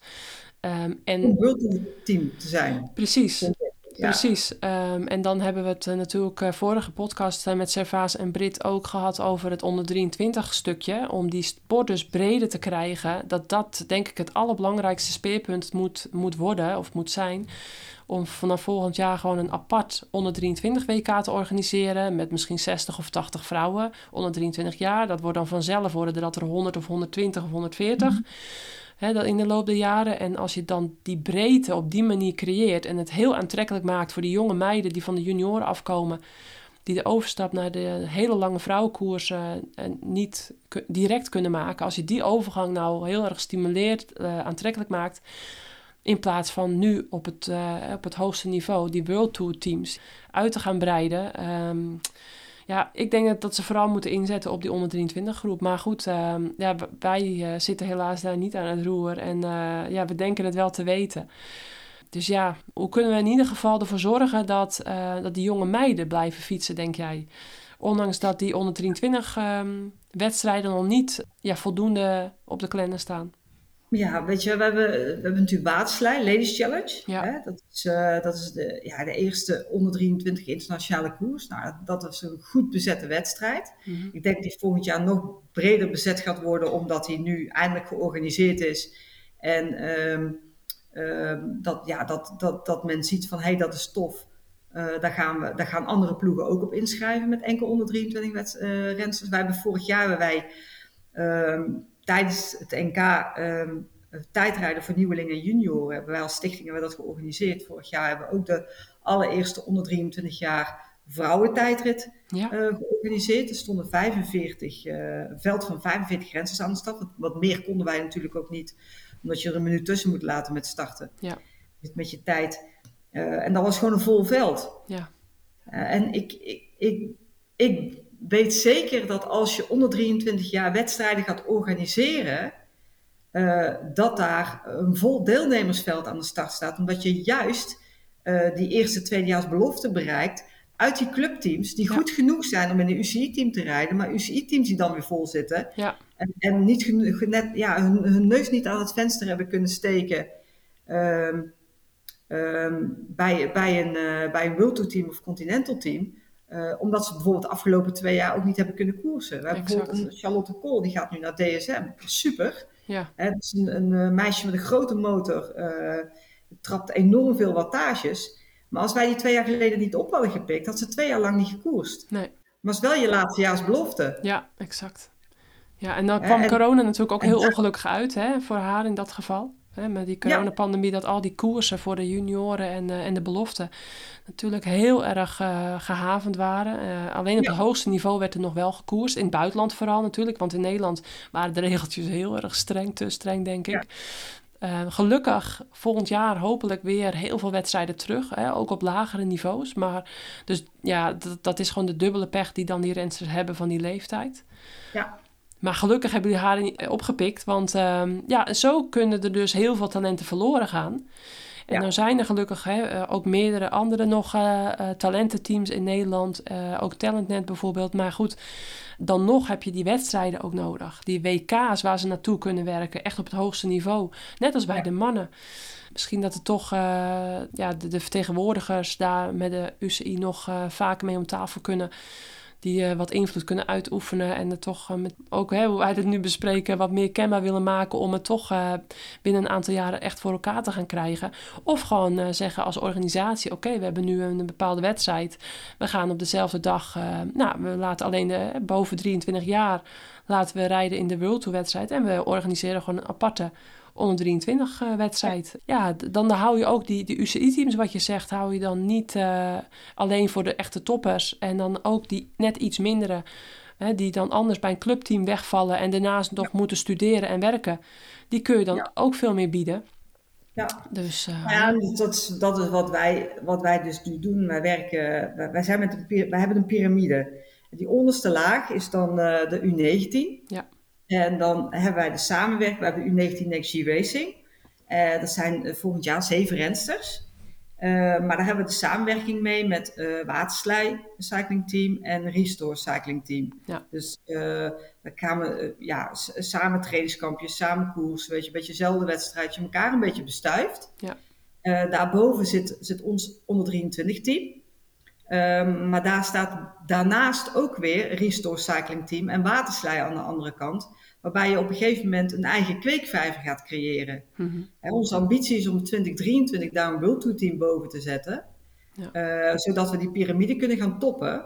En dat we onze eigen rensters dus ook door kunnen laten stromen. Maar ook vanuit andere eh, eh, clubs ehm, of verenigingen of teams. Zeg maar. We hebben nu bijvoorbeeld ook een renster van WW Schijndel. Die natuurlijk ook supergoed werk verricht. Ja. in talentontwikkeling. Het is super belangrijk om, ehm, eh, om onder 23 jaar rensters eh, een gedegen platform te geven. Ja. En wij hebben dat geïnitieerd twee jaar geleden. En, maar dat was ook de bedoeling om inspirerend te zijn naar andere projecten. Om jongens, pak dit mee op. Ja. Want anders gaat er straks heel veel talent verloren voor deze wielersport. Omdat ze hun neus niet aan het venster kunnen steken. Ja. En geen programma rijden, omdat er geen omkadering is voor hen. Ja. En dat is zo belangrijk om die vrouwenwielersport de lucht in te trekken. Moet eerst je fundering goed zijn. Ja. Want je gaat geen huis bouwen en je begint met het dak. Precies. Dat is wat de UCI nu aan het doen is. Ja. Je bent met het dak begonnen.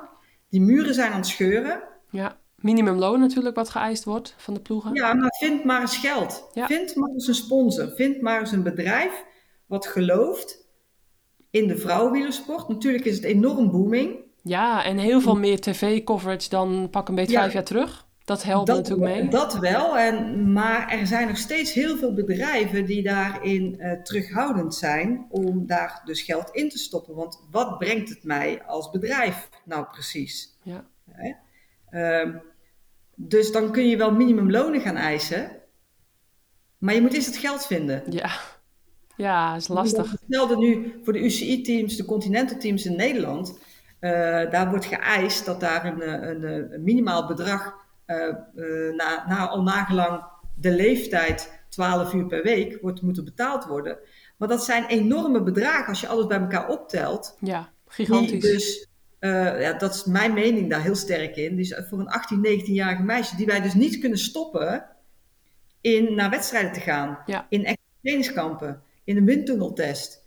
Dat, dat soort zaken. En daar zijn wij heel erg mee bezig eh, om die, die meiden die bij ons komen rijden, om die de gelijke kansen te geven als de toprensters van 30 jaar die eh, veel, meer, veel meer geld verdienen dan Ja. die 18-jarige die nog op school zit. Ja, Bij ons zitten ze meestal nog op school ja, en van 10, 12 uur in de week training komen. Die moeten in één keer gaan strijden tegen die meiden die 30 of 25 tot 30 uur per week trainen. Ja.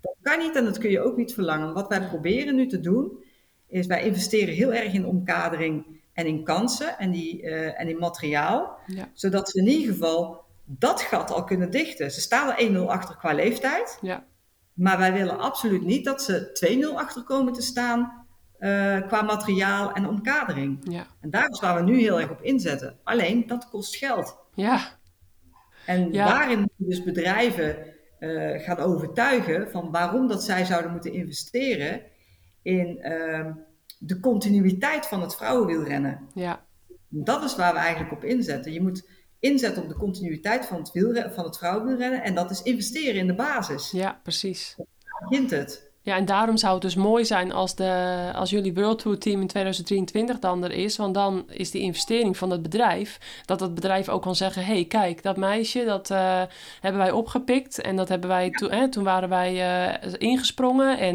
die hebben wij ondersteund. En door onze ondersteuning is dit nu een, mei, hè, een vrouw op, op, World Tour, op het hoogste World Tour niveau. Dat is natuurlijk ook gaaf als je hè, heel veel bedrijven eh, omvatten ook wielerliefhebbers. Hè? Want hoeveel mensen wielrennen er niet en zijn er wielerfan? Meestal zijn het toch de wielergekken die dan inspringen. Die moeten affiniteit hebben met de sport natuurlijk. eh 9 van de 10 keer. Anders dan, eh, ja, dan werkt het denk ik ook niet. Ehm, ook leuk eh, als groot bedrijf om dan natuurlijk als, als sponsor af en toe achter de schermen mee te kunnen kijken. In een VIP-auto of in een gastenwagen van zo'n wedstrijd. En dan, ja, dat is natuurlijk al gaaf. dat je dat dan af en toe mee kan maken. Maar ook denk ik, mij persoonlijk zou het heel gaaf zijn als ik een directeur van een groot bedrijf zou zijn en zou investeren. Om dan ook te zien dat dat die investeringen zich later hè, echt op het hoogste niveau, niveau gaan uitbetalen. Lijkt mij eh, gaaf als ik daar aan mee zou kunnen, aan, bij zou kunnen dragen. Maar goed, het is lastig om, dat, om het verhaal goed eh, hè, om dat bij een, bij een bedrijf, om die over de streep te krijgen en het eh, ook te doen. Omdat we nog steeds wel achterlopen op de, op de nodige media-aandacht. Het gaat heel de goede kant op, maar dat, dat kan natuurlijk nog wat beter. Maar ja, Ja, ja die media-aandacht is één, hè. Eh, maar we moeten gewoon eerst die basis, die moet goed zijn van het vrouwenwielrennen. ja, En die basis is gewoon nog steeds niet goed. Ja. Een, media- een bedrijf wil natuurlijk die, die media-aandacht zien. Hè? Die wil eh, zoveel mogelijk in beeld. En eh, daarom Ja. tegenwoordig loont het ook veel meer als renster... om lang in de aanval te fietsen of vaak in de aanval te gaan... en echt een mooie koers van te maken. Omdat het dan ook, mocht het mislukken, is het altijd nog goed voor de sponsor geweest. En dat was in mijn tijd wel eens wat minder. Dan, ja, dan ging ik ook 20.000 keer aanvallen en dan kwam ik veel in beeld. Maar dat beeld dat was alleen voor de mensen die eh, naar de koers keken en niet, eh, niet, niet een camera die meereed en eh, die het ook kon laten zien. En ja, dat is nu natuurlijk het grote voordeel, wa- waardoor de koersen ook steeds aantrekkelijker worden. Ja, en als we dan naar jouw dochters overgaan, ze, ze zijn natuurlijk van het turnen allemaal naar het wielrennen overgestapt uiteindelijk. Eh Vee de jongste van 15, eh, die het heel goed ook doet in het veld. Allemaal veldrijden en wegwielrennen. Ja. Maar eh, wat ik de vorige keer nog was vergeten te vragen aan Brit. Die doet na- naast haar wielercarrière ook nog natuurlijk rechtenstudie in Tilburg. Ja. Die speelt ook piano. En ja, dat doe ik zelf ook. En ik, wat speelt ze? En, en, ja, en hoe lang doet ze dat al? Ehm, ja, zij speelde piano al op de lagere school, maar dat was altijd klassiek. En daar haakte ze op een gegeven moment op af. Hè? Want ze, ja, die, die kinderen die willen, die willen ook eens een keer iets, eh, iets van nu, iets hips, weet je wel. ja, Eh, pop, ja. eh, dus op een gegeven moment stopten ze met piano spelen. Toen kwamen ze op de middelbare school en dan hebben ze ook gewoon muziekles. En op een gegeven moment kwam ze thuis en zei ik wil toch weer terug piano spelen. Leuk. En ja, ze speelt eigenlijk heel veel modern, maar ook heel veel Einaudi. Ja, ik ook, ja. Ik Ja. was al benieuwd of ze dat dan ook zien spelen, ja. Ja.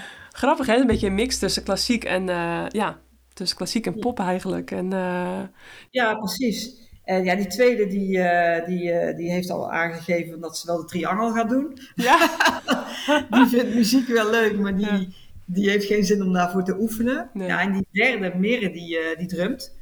Oh, al, al, eh, al heel erg lang. En eh, die, eh, ja, die heeft een absoluut gehoor. Dus die speelt piano, maar die kan geen noten lezen. Maar die speelt, die hoort iets en die kan dat binnen een half uur spelen. zo. Ja, mooi is en dat. eh Vee, de jongste, die heeft gitaar gespeeld, maar die is eventjes afgehaakt. Die heeft, die heeft zangles gehad en gitaar gespeeld, die is Ja. even afgehaakt. Maar alles staat er nog, dus die... Oh ja, en Brit heeft trouwens ook de oudste, die heeft een elektrische gitaar geko- gekocht. Ook nog. Leuk. Die is nu een beetje op gitaar eh, aan het, eh aan het hengsten tussen. En Servaas en jij dan? Wat zeg je? Servaas en jij. Spelen jullie iets? Nee, ik heb vroeger trompet gespeeld. Oh, Ja, ja. Het Svaas niet, maar het Svaas komt wel uit een hele muzikale familie. Ik ook, ja. Ja, dus daar komt het dan toch uiteindelijk een beetje vandaan. Ik, het, ik, het lijkt me gewoon heel gezellig als je dan zo'n groot gezin hebt. Om, ehm, ja, om dan een, om gewoon eh binnenshuis een eigen bandje af en toe op, op zondagmiddag eh, muzie- hè, achtergrondmuziekje aan en een tempo en dan met, met z'n allen losgaan op een instrument. Dus eh, ja, we, houden ook heel erg van muziek in huis met eh, gitaar en piano, et cetera. En dan, ja. Dus Ja, ja, tof. ja, leuk eh, wat ze ook speelt dan, Brit. Daar was ik nog benieuwd naar. En eh, ja, ze fietst onder de Belgische nationaliteit. Dat had ik ook nog vergeten te vragen in de vorige podcast. Eh, in 2019 uit mijn hoofd is ze gewisseld van Nederlandse nationaliteit naar Belgische. Terwijl volgens mij jullie allemaal, Servaas, jij en dan ook Sendemere en Vee, wel allemaal de Nederlandse nationaliteit hebben. Hè? Ja, Dus alleen Brit is dan Belgische geworden. Dat is ook, ehm, ja, volgens mij eh, las ik ergens ook omdat ze Belgische vriendinnen heeft. Altijd in België natuurlijk op school gezeten heeft. eh, maar ook misschien ook wat voor, voor het wielrennen. Ehm, dat- dat was niet haar eerste ding. Het, ehm, wat, wat, wat misschien wel een hele leuke anekdote is. eh, ze zijn natuurlijk ehm, opgegroeid, hè, eh, geboren en opgegroeid in België. Ze Ja. hebben allemaal Belgische school doorlopen, lagere school, Belgische vriendinnen. Eh, onze, onze tweede, die, die spreekt ook echt Vlaams, Oh. Vlaamse toeval. Ja. Ehm, die wordt overigens, die heeft ook Belgische nationaliteit aangevraagd. Eh, Oh. Want dat kan, pas- dat kan pas vanaf je achttiende namelijk. Ah, Oké, ja, precies. Dus, ja. En ehm, ik weet nog dat wij op een NK eh, jeugdwielrennen zaten. En ja, daar wordt natuurlijk na elke categorie het Wilhelmus gespeeld. Ja. En dat onze jongste op een gegeven moment tegen mij zei... Wat is dat toch elke keer dat liedje wat wordt gespeeld? Ja. Nee, dat is nou het Nederlands volkslied. Oh Eh, want zij, zij kennen namelijk de Brabantson, omdat dat hebben Ja. ze geleerd met het hand op het hart. Ja, Ja, dat, ze, dat ze op die manier moeten zingen. Dus dat liedje kennen ze, dat, het Belgische volkslied kennen ze uit hun hoofd. ja, Dus het is een vrij logische stap. Was voor ons een vrij logische stap dat ze de Belgische nationaliteit zouden eh, aanvragen. Omdat ze, ja, vanuit hun roots eh, zijn ze, vanuit onze roots zijn ze misschien wel Nederlands, maar hoe ze zijn opgegroeid niet. nee. Ja, Dus ik snap ja, ze- wat Brit ook op een gegeven moment aangaf. Ik heb helemaal niks met dat Nederlandse shirt. Dat was wa- waar anderen met trots in gaan trainen. Ja, Lag dat bij haar opgefroten in een hoekje van de kast. ja, jammer, ja. Ja, dat had ze helemaal niet. Nee, ik snap het, ja. Ja, je ook, eh, ze zijn half Belgisch, half Nederlands, hè? Want, want volgens mij zijn ze allemaal ook in België geboren, toch? Ja, Ja, ja vlak onder de rook van Breda, hè? In, eh, Ja. eh, vlak, vlak over de grens, in Meerlen, hè? Ja, Eh, en, en dan eh Mirre. Mirre en Vee. Hè, want we hebben Brit natuurlijk net besproken. Eh, ook haar ambities eh, nou, in wedstrijden zoals Parijs-Roubaix. En nou, een beetje de eendagswedstrijden, denk ik. En, ja, ook wel etappenwedstrijden. Maar ik denk ook wel gewoon het Vlaamse werk wat haar goed ligt. Maar dan hebben we nou ja, en Vee die eh, ook dan veldrijden en wegwielrennen. En ook eh, volgens mij ehm Sende en Mirre die samen op het podium al een keer hebben gestaan van een NK veldrijden. Hè? Dat dan... eh, Mirre dan wel beter was dan Senne. Maar eh, dat vond, vond ik dan wel weer grappige dingen om te zien. Ja, er zit natuurlijk na gemiddeld ongeveer 2, 2,5 jaar tussen maximaal. Of nee, ja, anderhalf tot 2,5 jaar. na, jaar. ja, anderhalf. precies. Eh, Heel kort op elkaar. Ja, en wa- waar zijn, wa- wat is hun specialiteit en, eh, en, en hun doelen? En, ehm, ja, want Senne die is dan ehm, ook wel bij jullie team betrokken natuurlijk. Maar eh, de jongste twee nog niet. Die rijden Ja. dan nog in het juri, eh, voor de junioren en de nieuwelingen. Ja, Mirre die, Senne is echt een, is, is een hardrijder. Dat is qua, qua bouw, qua ehm, kunnen is dat eh, een kopie van wat ik was. Als, bij, als, ik als bij mij een stoeptegel schuin stond, dan was ik al gelost. Zo zei ik het altijd. Ja, Maar ik kon op het vlakke wel heel hard rijden. En dat heeft zij ook. En dat betekent niet dat zij niet omhoog kan. Mhm. Maar als het hooggebergte is, dan zal ze moeite mee hebben. Eh die korte, korte klimmetjes eh, die niet te explosief zijn, die zal ze ook kunnen. Eh, maar als het echt serieus omhoog gaat, dat, eh, dat, dan wordt het lastig. Maar weet je, niet alle wedstrijden zijn zo. Kijk maar naar Roubaix. ja Hè? precies. Kijk, kijk maar naar Gent-Wevergem. Ja. Eh, er zijn genoeg wedstrijden die, in het vrouwenwielrennen waar je, waar je gewoon die kwaliteiten absoluut kunt, kunt laten zien. Ja. Mirre is een, ehm Sen is overigens ook een goede tijdrijder. Ze is technisch heel sterk met de fiets. Dus een hele goede crosser. Ja, De afgelopen twee jaar heeft ze heel veel pech gehad. Ehm is heel ziek geweest ook. Eh, Mirre is een, echt een, eh, een, ja, een bijter, een heeft een hele goede, sterke, sterke kop op. dus worstelt nu heel erg met een, met een inspanningsastma. Oh, dus dat is, dat is wel heel erg vervelend, want het is voor haar heel erg aftasten van ja, wat, wat, wat moet ik hiermee, hoe moet ik een wedstrijd indelen. Dus ja. gisteren rijdt ze bijvoorbeeld een veldrit en moest ze achteraan starten. Zit ze binnen een halve ronde, rijdt ze op kop. Heeft ze ook voorsprong, maar stort ze daarna in. Ja. Dus, en dat is, dat is niet erg. Dat is voor haar ook een leerproces om, eh, om, om te gaan zoeken van, gewoon, moet ik, me, moet ik die, die cross dan anders indelen? Ja, dat is ook allemaal prima. Ja. Weet je, ze is 17, Ja. moet ze allemaal leren. Dat is allemaal goed. Ja. En Vee die is eh, onlangs door corona gestopt. Ehm, die gaat eh, nu op atletiek. Oh, Maar heel eerlijk, die zie ik, eh, die zie ik over een jaar of vier nog wel terug. eh. ja. Ja, die is heel jong, die Ja. is 14, die wordt in december pas 15 en Ja. die is een beetje aan het rondfladderen en dat, is- dat is ook helemaal prima. Ja. Maar voor haar is het sociale rond het fietsen heel erg belangrijk en dat is weggevallen door, eh, door COVID. Ja. En dus dan verdwijnt daarmee ook de motivatie om, om, om te gaan fietsen, want ze moet heel vaak alleen. Ja. Omdat ze ook Ze kan niet, grappig, eh, bij ons zitten ze met z'n vier op de fiets, maar Ja. ze gaan altijd apart trainen. Ja, toch? Ja, dat, dat was namelijk mijn vraag. Kon ze niet aan de oudere zus eh, optrekken? Nee, nee, nee want dat is, oh, er komt altijd een ruzie terug. Oh. ja, hoe manage je dat ook? Ook in huis, in het dagelijks leven. Met, met, met vier meiden die, ik bedoel, meiden, ja. Hè, ik heb dan twee zoontjes en eh, nou, die zijn één en drie. Nou, dat, dat is al af en toe vlam in de pan. maar Ja. hoe, hoe manage je dat met vier meiden die dan, hè, meiden die kattig kunnen zijn, die, ehm, ja, toch, eh, het is toch wel een bijzondere samenstelling, denk ik. eh, zo, zoveel meiden dicht op elkaar. En hoe gaat dat bij jullie? Kun je dat een beetje managen? Jawel, jawel. Weet je, het, eh, eh, die- ze zijn alle vier totaal verschillend van karak- karakter. En dat is wel heel grappig om te zien. Ja, Ehm, en af en toe lijkt het alsof dat ze elkaar nou, de ogen wel uit kunnen krabben. Het gaat ook meestal over kleren die ze van elkaar aan hebben. Wat de een van de ander dan niet heeft gevraagd. En die ander die ziet dan weer, dan weer weer. Dat kan zelfs via social media inderdaad. Dat iemand iets post en dan de ander eronder zet van je hebt mijn trui aan. Leg terug. dat. Eh, eh, maar als er iets is, en dat is altijd wel heel mooi om te zien, als er iets is met één van de vier, dan, dan vormt dat in één keer zo'n hecht pact. ja, Dus eh, dat, dat is echt prachtig om te zien. Dan, ja. dan zitten ze met z'n vieren aan tafel geklonken en dan roepen ze van alles van ja, rare dingen. Dan, eh, als, als, als bijvoorbeeld iemand iets over iemand heeft, een van de zussen heeft gezegd, zeg maar, van ja, Oh. dan kan het er wel eens hard opgaan wat ze dan wel niet met diegene gaan doen. ja. Mooi. Dat is dan verbaal natuurlijk, hè, want uiteindelijk komt er natuurlijk niks van. Maar dan Ja. staan ze wel, dan is het wel één voor alle, alle voor één. Dat is wel grappig. ja. Ja. Goh, jeetje. Ja, mooi hoor. En, ehm, ja, en, en die, eh, die natuurlijk eh, als enige man in het, in het verhaal... eh, hoe, hoe is dat met, met, met de... hebben ze een beetje ehm, voorkeuren ook met hè, papa's kindjes, mama's kindjes? Of... of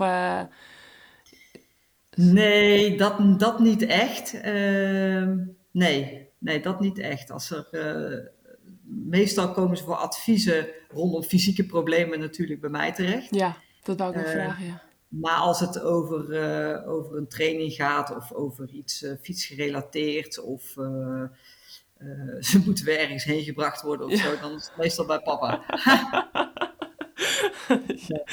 En ehm, ja, dat wil ik dus vragen. Ehm, je hebt natuurlijk op zoveel ja, gebieden hè, van gezondheid en nou, het, het lichamelijke, maar ook het energetische. En eh, ja, dan zou je denken, dan zowel de rensters van de ploeg als, als al jouw dochters, dan als die wat mankeren, dan eh, heb jij een oplossing.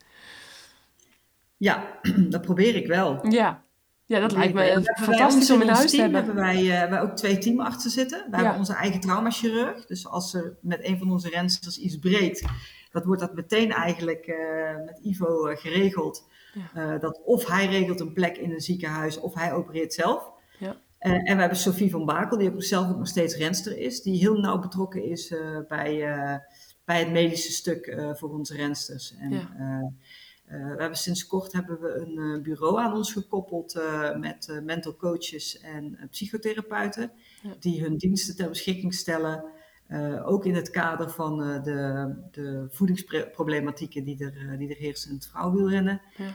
ehm, dat wij dat kunnen ondervangen, omdat we daar een, ja, een, ook een omkadering voor hebben. Ja, Ehm, meestal is het ook wel zo als ze echt iets fysieks hebben, dat rensters mij ook bellen. Of ze Ja. even langs mogen komen of, eh, of voor een gesprekje. En dan probeer ik eh, in onze omkadering te kijken waar, eh, waar ze het beste thuis horen. Of dat ik het zelf doe. Of, Ja. ja, dat komt ook wel eens voor, dat je zelf manipuleert of iets, Ja. na een Ja. valpartij of iets dergelijks, ja. Ja, of andere problemen. Ja, Ja. mooi. En ehm, ja, we hebben natuurlijk eh, al heel veel besproken. Ehm, ja, je, hoe, hoe, hoeveel dagen werk je nu? Eh, hoe is een beetje de verdeling bij jou? Want je hebt natuurlijk Nexty Racing, je eigen bedrijf, eh, het, het, het moederschap, het huishouden, et cetera. Hoe, hoe, hoe liggen die verhoudingen? Hoe manage je dat een beetje voor jezelf? Nou, ik werk vier dagen, dus maandag, dinsdag, woensdag, donderdag. Vrijdag ben ik altijd vrij, omdat dat, ja, de veldritten zijn weer Ja, begonnen. oh ja. Dus, en dat is meestal dan, ja, dat ik dan op vrijdag eh, wel eh, de boodschappen doe en dat soort zaken. Ja. eh, om dan in ieder geval voor die zaterdag of zondag alles klaar te maken. Dus Ja. vandaag vind ik dan wel lekker hoor, dat ik echt gewoon niks heb. Nee, behalve dit even tussendoor. Ja, Ja. ja. Nou ja, dan moet ik ook zeggen, corona was ook wel welkom. hè? Ja, dat, dat Ja, denk ik maar Ik ook. denk dat het voor heel veel mensen zo was. Ja, uiteindelijk wel.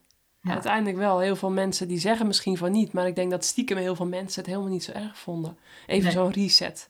Even het bedenken van, eh, goh, eh, hoe, hoe zag mijn leven er voor corona eigenlijk eh, hectisch uit bij de meesten. En ja, door, door, door. En nu toch hè, ook met wat meer thuiswerken en wat meer ja, reflectie. En eh, ja, ik denk het, ja, eh, natuurlijk behoudens de mensen die er erg ziek van zijn geweest. Dat, eh, maar ja, degenen die dat dan niet zijn geweest en die eh, ja, er vrij goed doorheen gekomen zijn lichamelijk, denk ik dat het inderdaad helemaal Ja. niet zo ongunstig is geweest. Dus ehm, ja, op die manier manage je dat. Ehm, wat staan er vo- voorlopig voor jullie allemaal op het programma? Welke wedstrijden nog? Wat gaan de meiden allemaal nog doen? Eh volgende, of, ja, even kijken, komend weekend, volgend weekend dus, staat Morbihan en Plumelec. Ja. Staat op het programma, Ronde van Drenthe.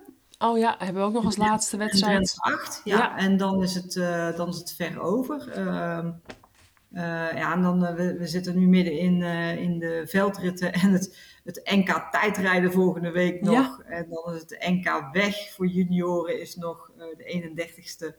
En dat is wel heel vreemd hoor, want Ja. het, het overlapt het veldrijden zo. Ja, ja, En ja, dat is, dat is wel gek, is dat. ja. Dus ik weet ook niet of ze bij, eh, of mijn kinderen het, eh, het NK op de weg gaan rijden. Nee, precies. Dat is. Dus eh, Senne niet, want Senne zit, eh, die, die heeft dus long covid gekregen na haar Janssen-vaccinatie. Oh, Die heeft, eh, ja, die heeft echt daarna heel veel problemen gehad, dus die zit gewoon nu in de off-season. na de, na de vaccinatie. Ja, nou, die heeft Janssen-vaccin niet nagedacht. Hè? En, eh, want ja, die kinderen die kunnen niks als, eh, als ze niet gevaccineerd zijn. Nee. En dan, eh, je hebt daar de voor- en tegenstanders natuurlijk voor. Zij heeft gekozen als 18-jarige, ja, ik wil wel dat vaccin hebben, want zij heeft een vriendje in Engeland, anders kan ik ook niet vrij reizen, moet ik elke keer maar getest worden. Ja. Dat is al, vooralsnog nog steeds zo, maar goed. Ja. Die heeft dus op dat moment eh werd tegen haar gezegd, ja, of wil je Jansen, want dat mag ook, ja. want dat is maar één keer. Oh ja, dat is goed. Met alle gevolgen van dien. En hoe stond je daar zelf in? Nou, ik was niet zo blij. Nee, dat kan ik me voorstellen. Je had beter even kunnen bellen. Ja, En, eh, ja, Want ja, dat heeft wel wat, eh, wat, wat neveneffecten natuurlijk. En, eh, ja, dus ja, maar goed, daar, daar, daar komen we ook alweer doorheen. ja. Dat maakt nu dat ze nu in de off-season zit en, en, en ja, vanaf volgende week volle bak aan zijn slag gaat om volgend jaar gewoon goed te zijn. Ja, ja. Ja, dat Ja. is al eh eh, zaak dat ze in ieder geval nu heel goed gaat uitzieken natuurlijk. En gaat, eh, ja, hè, helemaal optimaal hersteld is. Voordat je dan Ja. te vroeg weer intensief gaat beginnen. Nou, dan hebben we heel veel besproken, Natas. En bijna anderhalf uur verder. Dus het was een beetje onze, onze richttijd ook. Eh, want anders dan moeten we hem weer in tweeën splitsen natuurlijk. En ehm, ja, nee, eh, leuk om, om te horen. En eh, wat ik ook heel leuk vond trouwens in die vorige podcast eh, met Jaman Servaas en, en Brit over het sprookje van eh, 1989. Hè? Het bekende Moskou-verhaal. Dat jullie als, het, Oh, ja. als junioren elkaar leerden kennen. En Servaas toen derde werd op het WK achtervolging. En jij tweede op het...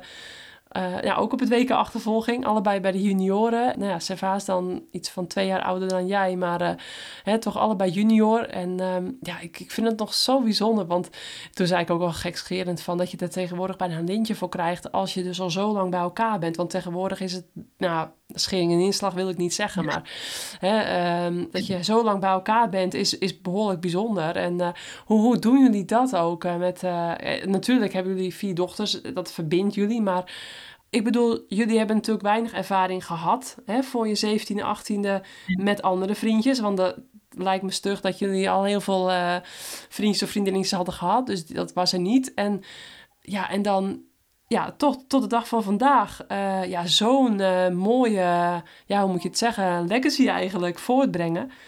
Ja. Eh, hoe, heb je daar nog tips voor anderen? Want ik denk dat je daar wel, ik denk dat anderen daar nog wel wat van kunnen opsteken.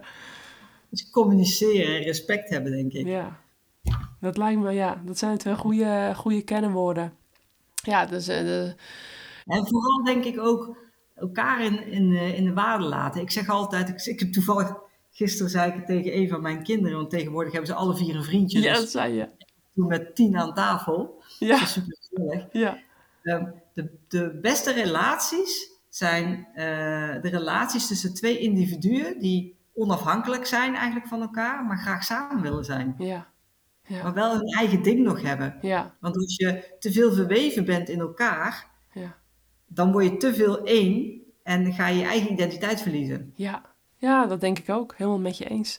Nou goed, dus dat was toen in 89 ontstaan. En ehm, ja, dat was toen eh, in het vliegtuig hè, met, de, met de welbekende eerste kus. En toen uh, dat moest de Brit ook erg om lachen.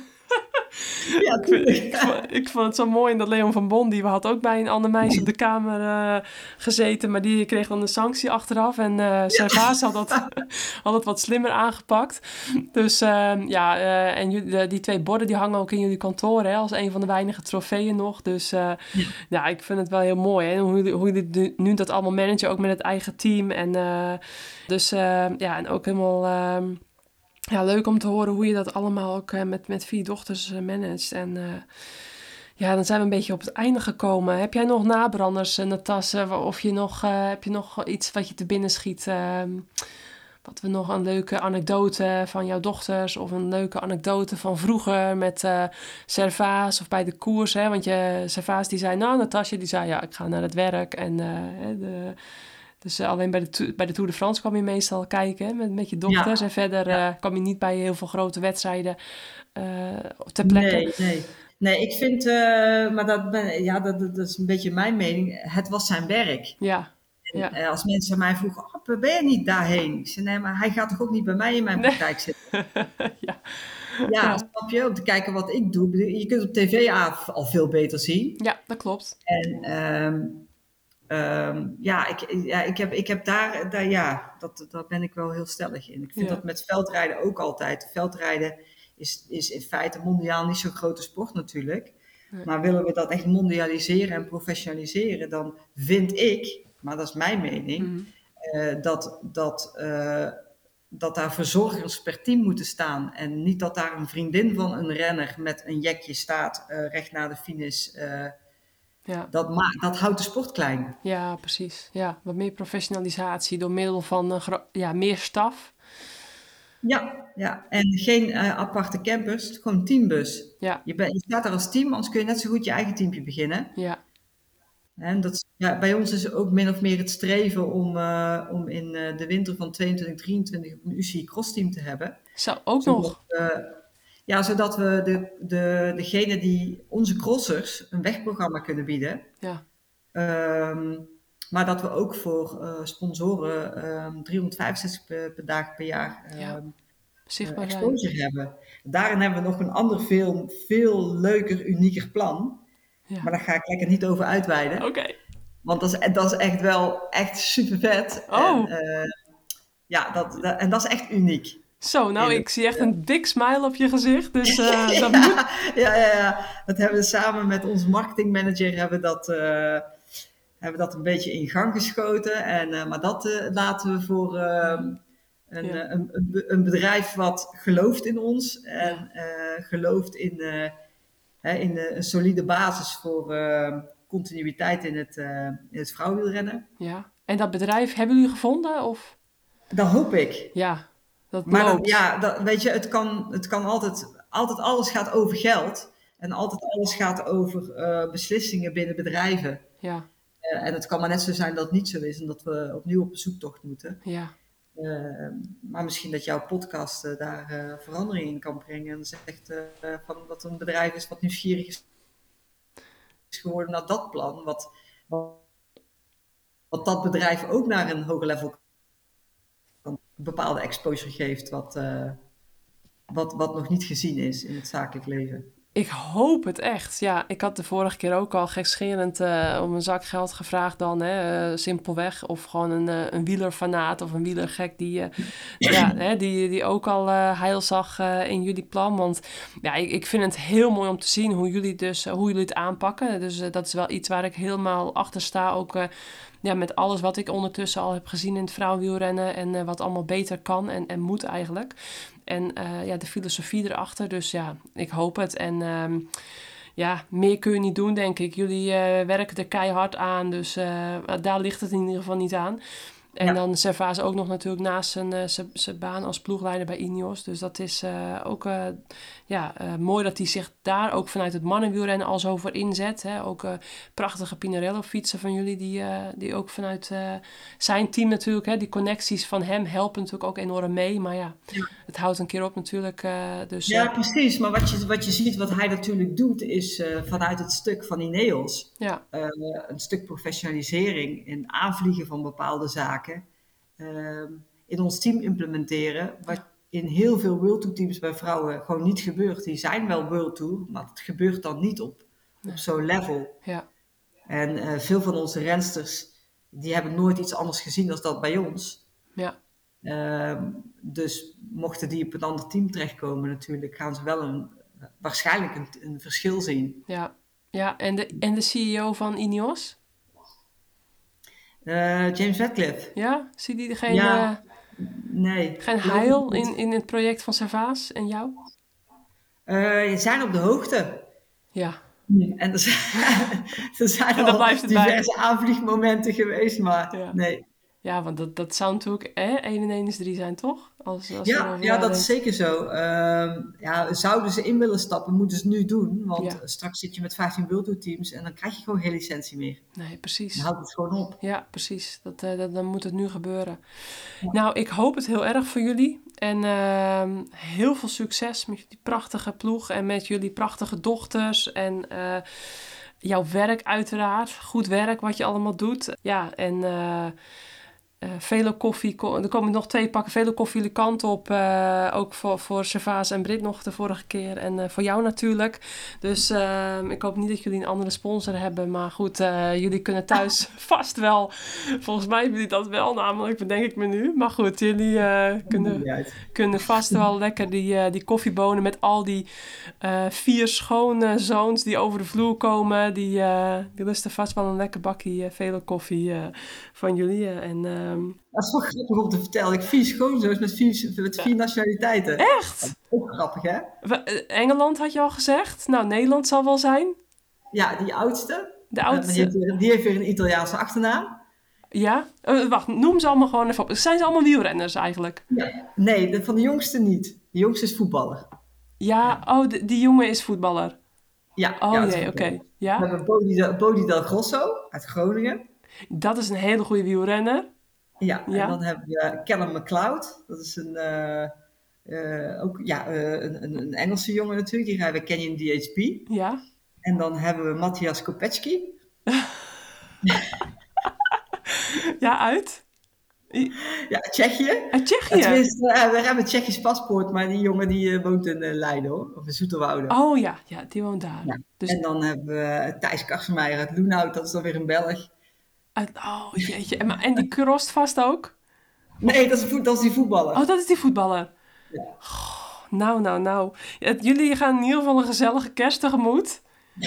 Ik zal alvast een week van tevoren beginnen met het, eh, met het eh, kerstdiner. Met de voorbereidingen. Dus nou ja, ehm, zijn het allemaal leuke jongens? om over de vloer het te zijn hebben. allemaal superleuke jongens en eh, ze kunnen het allemaal ook super leuk met elkaar vinden. En dat vind Ja. ik heel erg grappig Ja. om te zien. Ja. Ondanks dat ze dus allemaal hè, van voetballen tot wielrennen verschillende dingen doen.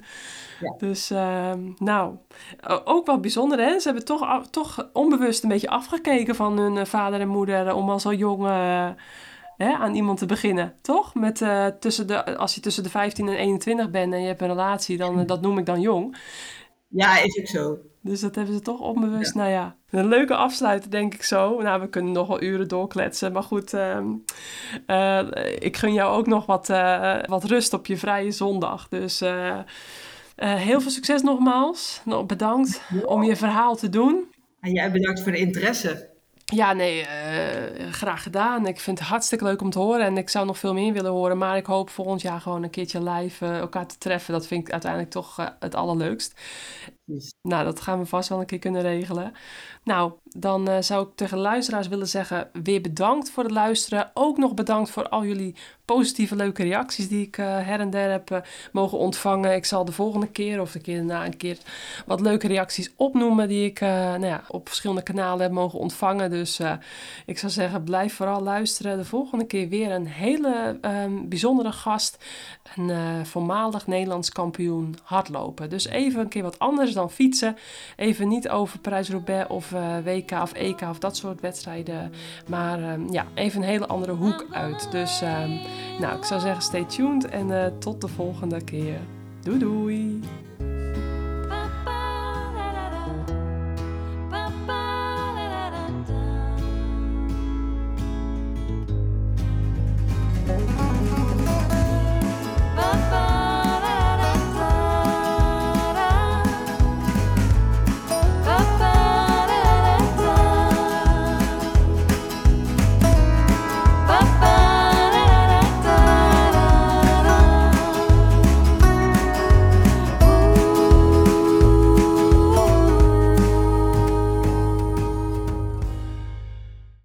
Deze podcast is gemaakt door Vera Koedoder.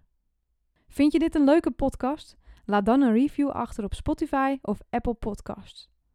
Eh, bedankt Natas, was leuk. Vond het leuk.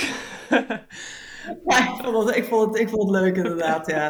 Maar het is inderdaad, het is voorbij. Als wij met elkaar zitten te praten, dan is het, het is zo voorbij. Ja, het is echt, het, het is gewoon anderhalf uur alweer. En, ja, en eh, ja, ik weet niet hoe, op de een of andere manier, soms dan heb je dat. Ik, ik heb hier een eh, straatje met, eh, hebben we zes eh, buren. En dan heb ik ook met twee buurvrouwen. Als ik daar eenmaal ja, mee aan de klets raak, dan ben je ook zo'n uur verder. Dus dat heb je soms met, wel eens met mensen. Dat Ja. je dan eh, zomaar... eh, ja, maar er is ook heel veel om over te kletsen. En weet je, het is wel zo. Het zijn zoveel ehm, leuke onderwerpen eigenlijk. Dat het eigenlijk allemaal een podcast aan zich verdient om er nog wat dieper op in te gaan. Ja, ja. Nou ja, wie weet, misschien krijg je die vraag wel van een aantal luisteraars. Hè? Ja, ja, ja, ja, ja, ja nee, maar zo, sowieso lijkt me leuk om gewoon volgend jaar een keertje ehm, te kijken waar jullie team dan staat. En